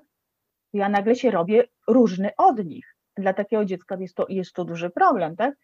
E, dla dorosłego może być to problem, ale tutaj nagle się okazuje, ojej, to właściwie jak to jest. I, i, I tu nie ma tego, tej pomocy właśnie przy integracji też. I, i, i teraz też paradoksalnie dzieci czasami, i tak jest, że dzieci nagle mówią, zaczynają odmawiać nauki polskiego też, bo dla nich to jest właśnie to też, że ja bardzo bym chciał, czy chciała być no tak jak ten francuski jest łatwiejszy w pewnym momencie się tak staje, prawda? To, to jest normalne, bo one używają tego na co dzień i nagle się okazuje, że tutaj, ale no jak ja teraz będę inna, obca, mówienie w innym, w obcym języku, to jest to, to zamknięcie na, prawda, że obcy a to Polska to jest obca, tak? Bo ja jestem tutaj. I gdzie ja jestem właściwie? Kim ja jestem? I dzieci się buntują często, bo ci koledzy francuscy, tak, ty jesteś Polak, tak? A, a, a, a, a dla dziecka, ja nie, nie, nie, tak? Ale z drugiej strony, no tak, no, a, a w domu, dobra, ty jesteś Polak. I bardzo dużo e, tutaj, to, to, są, to są różne problemy też związane z zachowaniem. I jest inny problem też, e, bardzo trudny dla dzieci, E, kiedy rodzice właśnie, którzy nie uczą się francuskiego, i to jest nie tylko Polacy, bo ja pracuję też z innymi rodzinami właśnie migrantów e, e, i z innymi narodowościami, to jest dokładnie ten sam problem, kiedy dzieci są proszone o tłumaczenie. Dzieci są wciągane właśnie w świat dorosłych, problemy dorosłych, dokładnie wiedzą, prawda, chodzą do lekarza, odpowiadają na pisma, prawda, jakieś do administracyjne, znają wszystkie problemy w pracy, mamy, taty, e, choroby i tak dalej. I tutaj nagle jest takie odwrócenie ról. E, I to się nazywa w psychologii parentalizacja, czyli odwrócenie ról rodzic nagle, prawda, staje się też dzieckiem. Jest wiele, wiele, wiele różnych, różnych spraw. Także tutaj ten język jest dlatego bardzo, bardzo ważny i to takie też e, próby, żeby jednak każdy próbował się otworzyć, żeby próbował na, właśnie też znaleźć odpowiedź na to pytanie, kim ja jestem tu i teraz na emigracji. To ułatwi życie, bo później to są te problemy właśnie z tym brakiem tej tożsamości, że ja nie wiem, kim ja jestem, ja się gubię, gubię się i gubię się emocjonalnie. Bardzo to jest, bo to jest trudne. Yy, emigracja jest bardzo, jest wyzwaniem, jest, jest, to nie jest proste. Jest oczywiście, są osoby, które przyjeżdżają, jest bardzo duża grupa osób przyjeżdżających w tej chwili, to, są, to, się, to ewoluuje, osoby, które są świetnie wykształcone, znają świetnie język Polacy, prawda? E, pracują w swoich zawodach. E, I tutaj to rzeczywiście e, jest zupełnie, oni mają inne problemy, tak? Brak czasu dla dzieci jakiś. Natomiast oni mają problemu z integracją. Także tutaj z tym, z tym, z tym się spotykam i czasami to są rzeczywiście dramaty też osób i, i bardzo dużo też, no nie, nie, nawet nie tylko kobiet, osoby, które, gdzie jest przemoc w domu, e, gdzie osoby, które się znajdują też i, i czasami na ulicy, i, i to i mężczyźni, i kobiety, prawda, gdzie są gdzieś wykorzystywani, e, jeżeli chodzi o pracę, e, więc jest wiele, wiele różnych, różnych tragedii takich życiowych, a nie znając języka, nie znając prawa, to rzeczywiście to się bardzo, bardzo źle czasami kończy. Także stąd, stąd są takie, są też te potrzeby wsparcia tego psychologicznego, i nie tylko psychologicznego, bo też, też i, i, i prawnego, żeby ktoś powiedział, prawda, wytłumaczył, kierował, bo w Polsce wiedzieliśmy, gdzie pójść, do kogo, mniej więcej możemy się orientować w prawie, chociaż też oczywiście nie zawsze. Natomiast no, w kraju innym, obcym, jeżeli jeszcze nie znamy języka, to jest, to jest straszne. Od jakiegoś czasu właśnie zorganizowałaś Ty i kilka innych koleżanek i kolegów po fachu grupę właśnie wsparcia dla Polonii. Jesteście mhm. dostępni telefonicznie. Każda z Was, z tych osób, które uczestniczy w, tym, w, tej, w tej grupie wsparcia, e, daje trochę ze swojego czasu właśnie, żeby zidentyfikować problemy, żeby otworzyć taką furtkę dla osób, które mogłyby się czuć całkowicie zagubione. Opowiedz mi o tej inicjatywie właśnie, bo współpracujecie od jakiegoś czasu z konsulatem, ale stworzyłyście taką twardą grupę właśnie, e, spory, właściwie jest was tam dziewięć. Dokładnie dziewięć. Dziewięć to jest bardzo dobra, ale widzisz, już jest was właściwie, to już jest, że tak powiem, drużyna e, bardzo... Tak, dokładnie. E, to nie jest inicjatywa indywidualna, ale już teraz projekt taki, taki solidny. I funkcjonujecie właśnie, jest w tej grupie, jest, są i psycholożki, i coachy, i doradcy zawodowi. Opowiedz mi o tej Mhm. inicjatywie, jak to, się, jak to się, że tak powiem, wyłoniło i w jaki sposób funkcjonujecie w tej klinice. To zaczęło się, zaczęło się w czasie tego, tej pierwszej izolacji confinement w marcu e, w ubiegłym roku. Po prostu to, to takie było spontaniczne, kiedy nagle wszyscy zostaliśmy prawda, zamknięci. I ja, ja zadzwoniłam, tak sobie pomyślałam, no, no teraz dobrze byłoby pomóc może prawda, osobom, bo to jest taka sytuacja stała się no, bardzo, bardzo trudna. I e, zadzwoniłam do kilku koleżanek, e, czy, czy one się na to zgodzą. No i one się zgodziły. I zaczęłyśmy dyżurować. Zrobiłyśmy dyżury takie i to były związane z, właśnie wtedy z, z koronawirusem, z tymi problemami związanymi i po prostu ludzie do nas dzwonili. Z czasem dołączyły się do nas kolejne koleżanki i to z różnych części też e, Francji.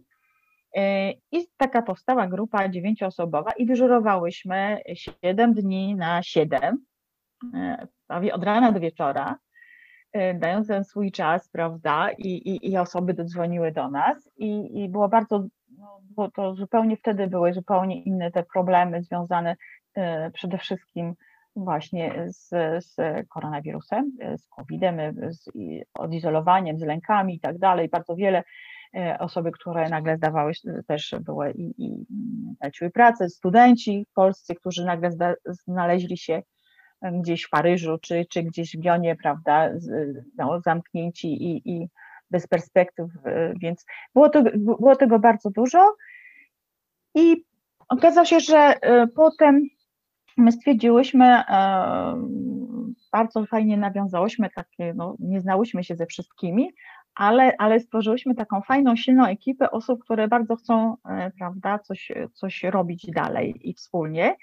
I e, stwierdziliśmy, że będziemy jednak kontynuować. No dobrze, no to, e, to po wakacjach było to, prawda, pierwszy ten, stwierdziliśmy, że kończymy, jak było to, prawda, już no, na początku lipca, ale właściwie dobra, to my będziemy kontynuować to. I e, wtedy dostałyśmy też, bo były, cały czas telefony jednak, już nie tylko związane e, z tymi sprawami covidowymi. Ja napisałam projekt, też e, poprosiłam, czy będziemy chciały, dobra, no to chcemy, kontynuujemy od września, z tym, że już dwa razy, zrobiliśmy dwa razy w tygodniu. Pani konsul bardzo nale- nalegała wtedy ówczesna, że jednak dobrze byłaby kon- kontynuować i kontynuowałyśmy i kontynuowałyśmy dwa razy w tygodniu, wtedy było to już, już też i przy takim nawet wsparciu też częściowo finansowym konsulatu do końca roku już wtedy się otworzyliśmy, też były inne też problemy. No i e, od stycznia stwierdziliśmy, że właściwie to dalej kontynuujemy. I z, z tym, że już w tej chwili e, kontynuujemy, robimy te, te dyżury, mamy tylko we wtorki od 18 do 19 pod jednym numerem telefonu, też koleżanka, na, która, e, psycholog, która nam udostępniła też swój numer telefonu, też przekierowuje rozmowy, więc y, mamy maile i, i ludzie piszą do nas, dzwonią z różnymi, z różnymi problemami. Oczywiście to nie jest rodzaj terapii, to jest rodzaj takiego wsparcia psychologicznego. Każdy może zadzwonić z każdym problemem, jaki ma. Dzieci też, młodzież też może dzwonić. Y, Także tutaj zachęcam, y, żeby y, osoby dzwoniły prawda, do nas. A wcześniej były, e, były też konsultacje e, takie właśnie e, tylko to były po prostu wyjazdowe. Ja uczestniczyłam e, w takim projekcie tutaj e, i, i e, z panią e, mecenas Lidią Majet-Woźniak, którą dobrze znasz, e, z Litką polsko-francuską adwokatką i, i jeździłyśmy po różnych miastach, e, mając właśnie też i, i taką konferencję i e, o problemach psychologicznych i, i, prawnych i też były takie konsultacje takie, takie darmowe dla osób. Czyli Mhm. życzę Wam wszystkiego najlepszego, żeby to, e, że tak powiem, rozwijało się, bo myślę, że jest to inicjatywa potrzebna, ponieważ mnie samej często zdarza się, że różne osoby pytają mnie właśnie o możliwość konsultacji z polskim psychologiem, bo czasami człowiek odczuwa potrzebę, a tak jak mówisz, ym, Mhm. nie znając wystarczająco języka francuskiego albo w ogóle, to czasami trudno się komunikować e, i mówić o swoich emocjach, bo tutaj o to głównie chodzi, więc nawet jeśli jestem w stanie załatwić sprawę urzędową, nie zawsze będę miała odwagę czy umiejętność mówienia o tym, co mam w środku, tym czasami nie mamy takich zdolności na początku może, a czujemy potrzebę właśnie rozmawiania. Więc Wasza inicjatywa jest bardzo cenna i pozwala też dać sobie sprawę, że w sumie możemy też się nawzajem wspierać. Taki sygnał, który wysyłacie, że, że otwieramy takie właśnie furtki czy okienka na różne rzeczy i że możemy sobie nawzajem tworzyć ci, którzy, że tak powiem, którym może łatwiej w cudzysłowie było się zasymilować czy zintegrować, tak jak mówisz, ponieważ nasza emigracja może była bardziej przemyślana, może motywacje były inne, nie tylko mm -hmm. finansowe, że a może po prostu niektórym osobom jest łatwiej niż innym, co należy też z różnych powodów po prostu przyjąć do wiadomości. Jasne. Ci, którym jest łatwiej, mają może tą dyspozycję właśnie, żeby wspierać tych, którym jest może trochę trudniej, albo mhm. dzielić się właśnie tym doświadczeniem, że mi wyszło tak, a tobie może wyjdzie inaczej, ale w każdym razie to nie jest do końca tak, że są właśnie ci, którym tam wszystko, że, że nawet ci, którym wyszło łatwiej, też nie do końca może to było takie idylliczne, jak czasami nam się może wydawać. I że jesteśmy w stanie się dzielić tym doświadczeniem i wspierać się nawzajem i stworzenie tego wzajemnego kręgu właśnie jakby e, wymiany doświadczeń może być właśnie takim pozytywnym wirem, którym niektórym pomoże po prostu wesprzeć się na innych i pójść do przodu w momentach, kiedy macie właśnie zawahania czy inne trudności. To jest prawda i rzeczywiście my tak wspieramy. Będziemy e, dyżurować do, do, do końca, do, do listopada.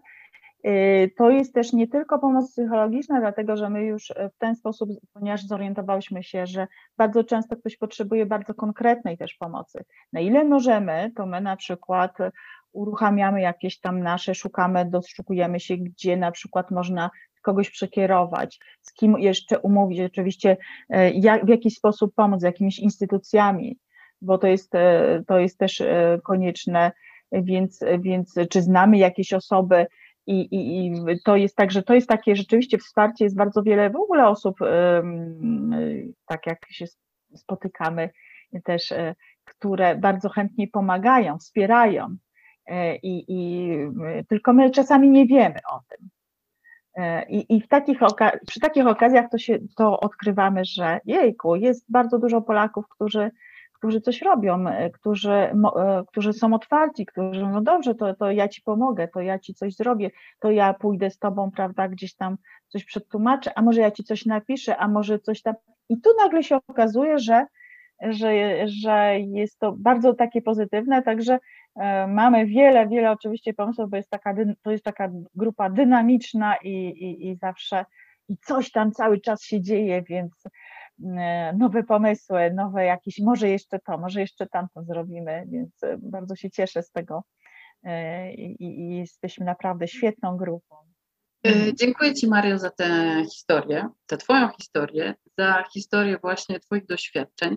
Mam nadzieję, że będą one inspirujące dla innych osób. I mam nadzieję również, że mhm. dla tych, którzy poczują, że mają potrzebę pomocy, będą mieli może doda im odwagi, żeby o tą pomoc poprosić, czy i z niej skorzystać.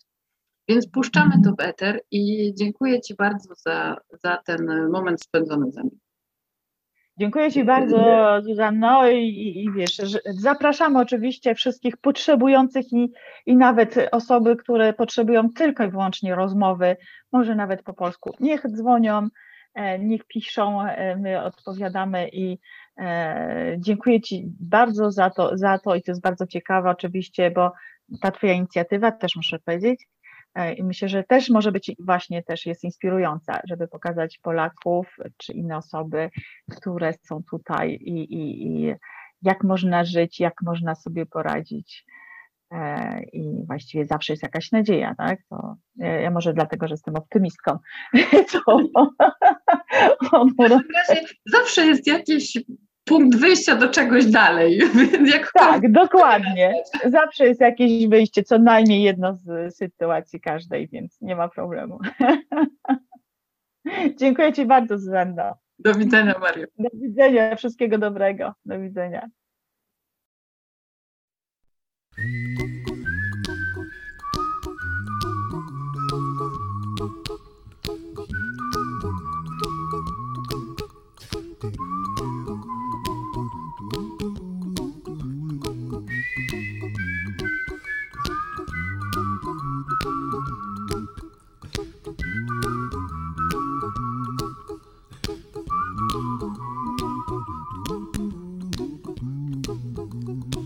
Here's a little song I wrote. You might want to sing it note for note. Don't worry. Be happy. In every life we have some trouble. But when you worry, you make it double. Don't worry.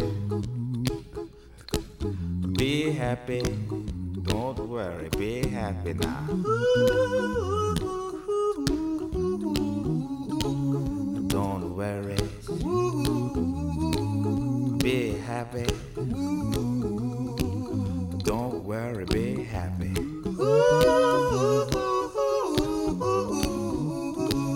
Don't worry. Be happy. Don't worry, be happy. Ain't got no place to lay your head. Somebody came and took your bed. Don't worry. Be happy. The landlord say your rent is late. He may have to litigate. Don't worry. Be happy. Look at me, I'm happy.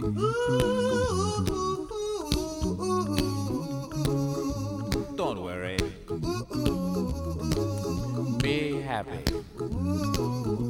Hey, I give you my phone number. When you worry, call me. I make you happy. Don't worry. Be happy.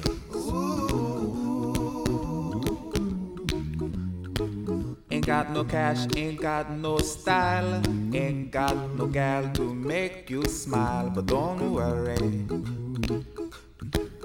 Be happy. Cause when you worry, your face will frown, and that will bring everybody down. So don't worry. Be happy. Don't worry. Be happy now. Don't worry. Be happy. Don't worry, be happy.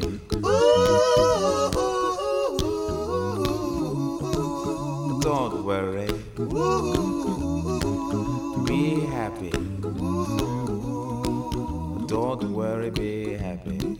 Now there is this song I wrote. I hope you learned it note for note like good little children. Don't worry. Be happy. Listen to what I say. In your life, expect some trouble. But when you worry, you make it double. Don't worry. Be happy. Be happy now. Don't worry. Be happy. Don't worry, be happy.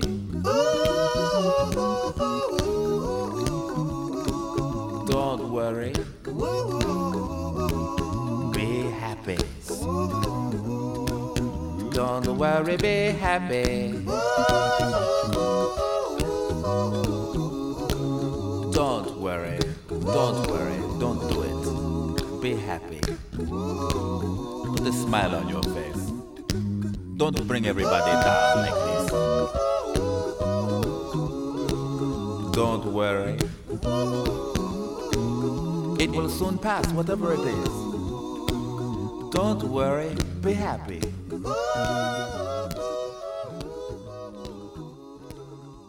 I'm not worried.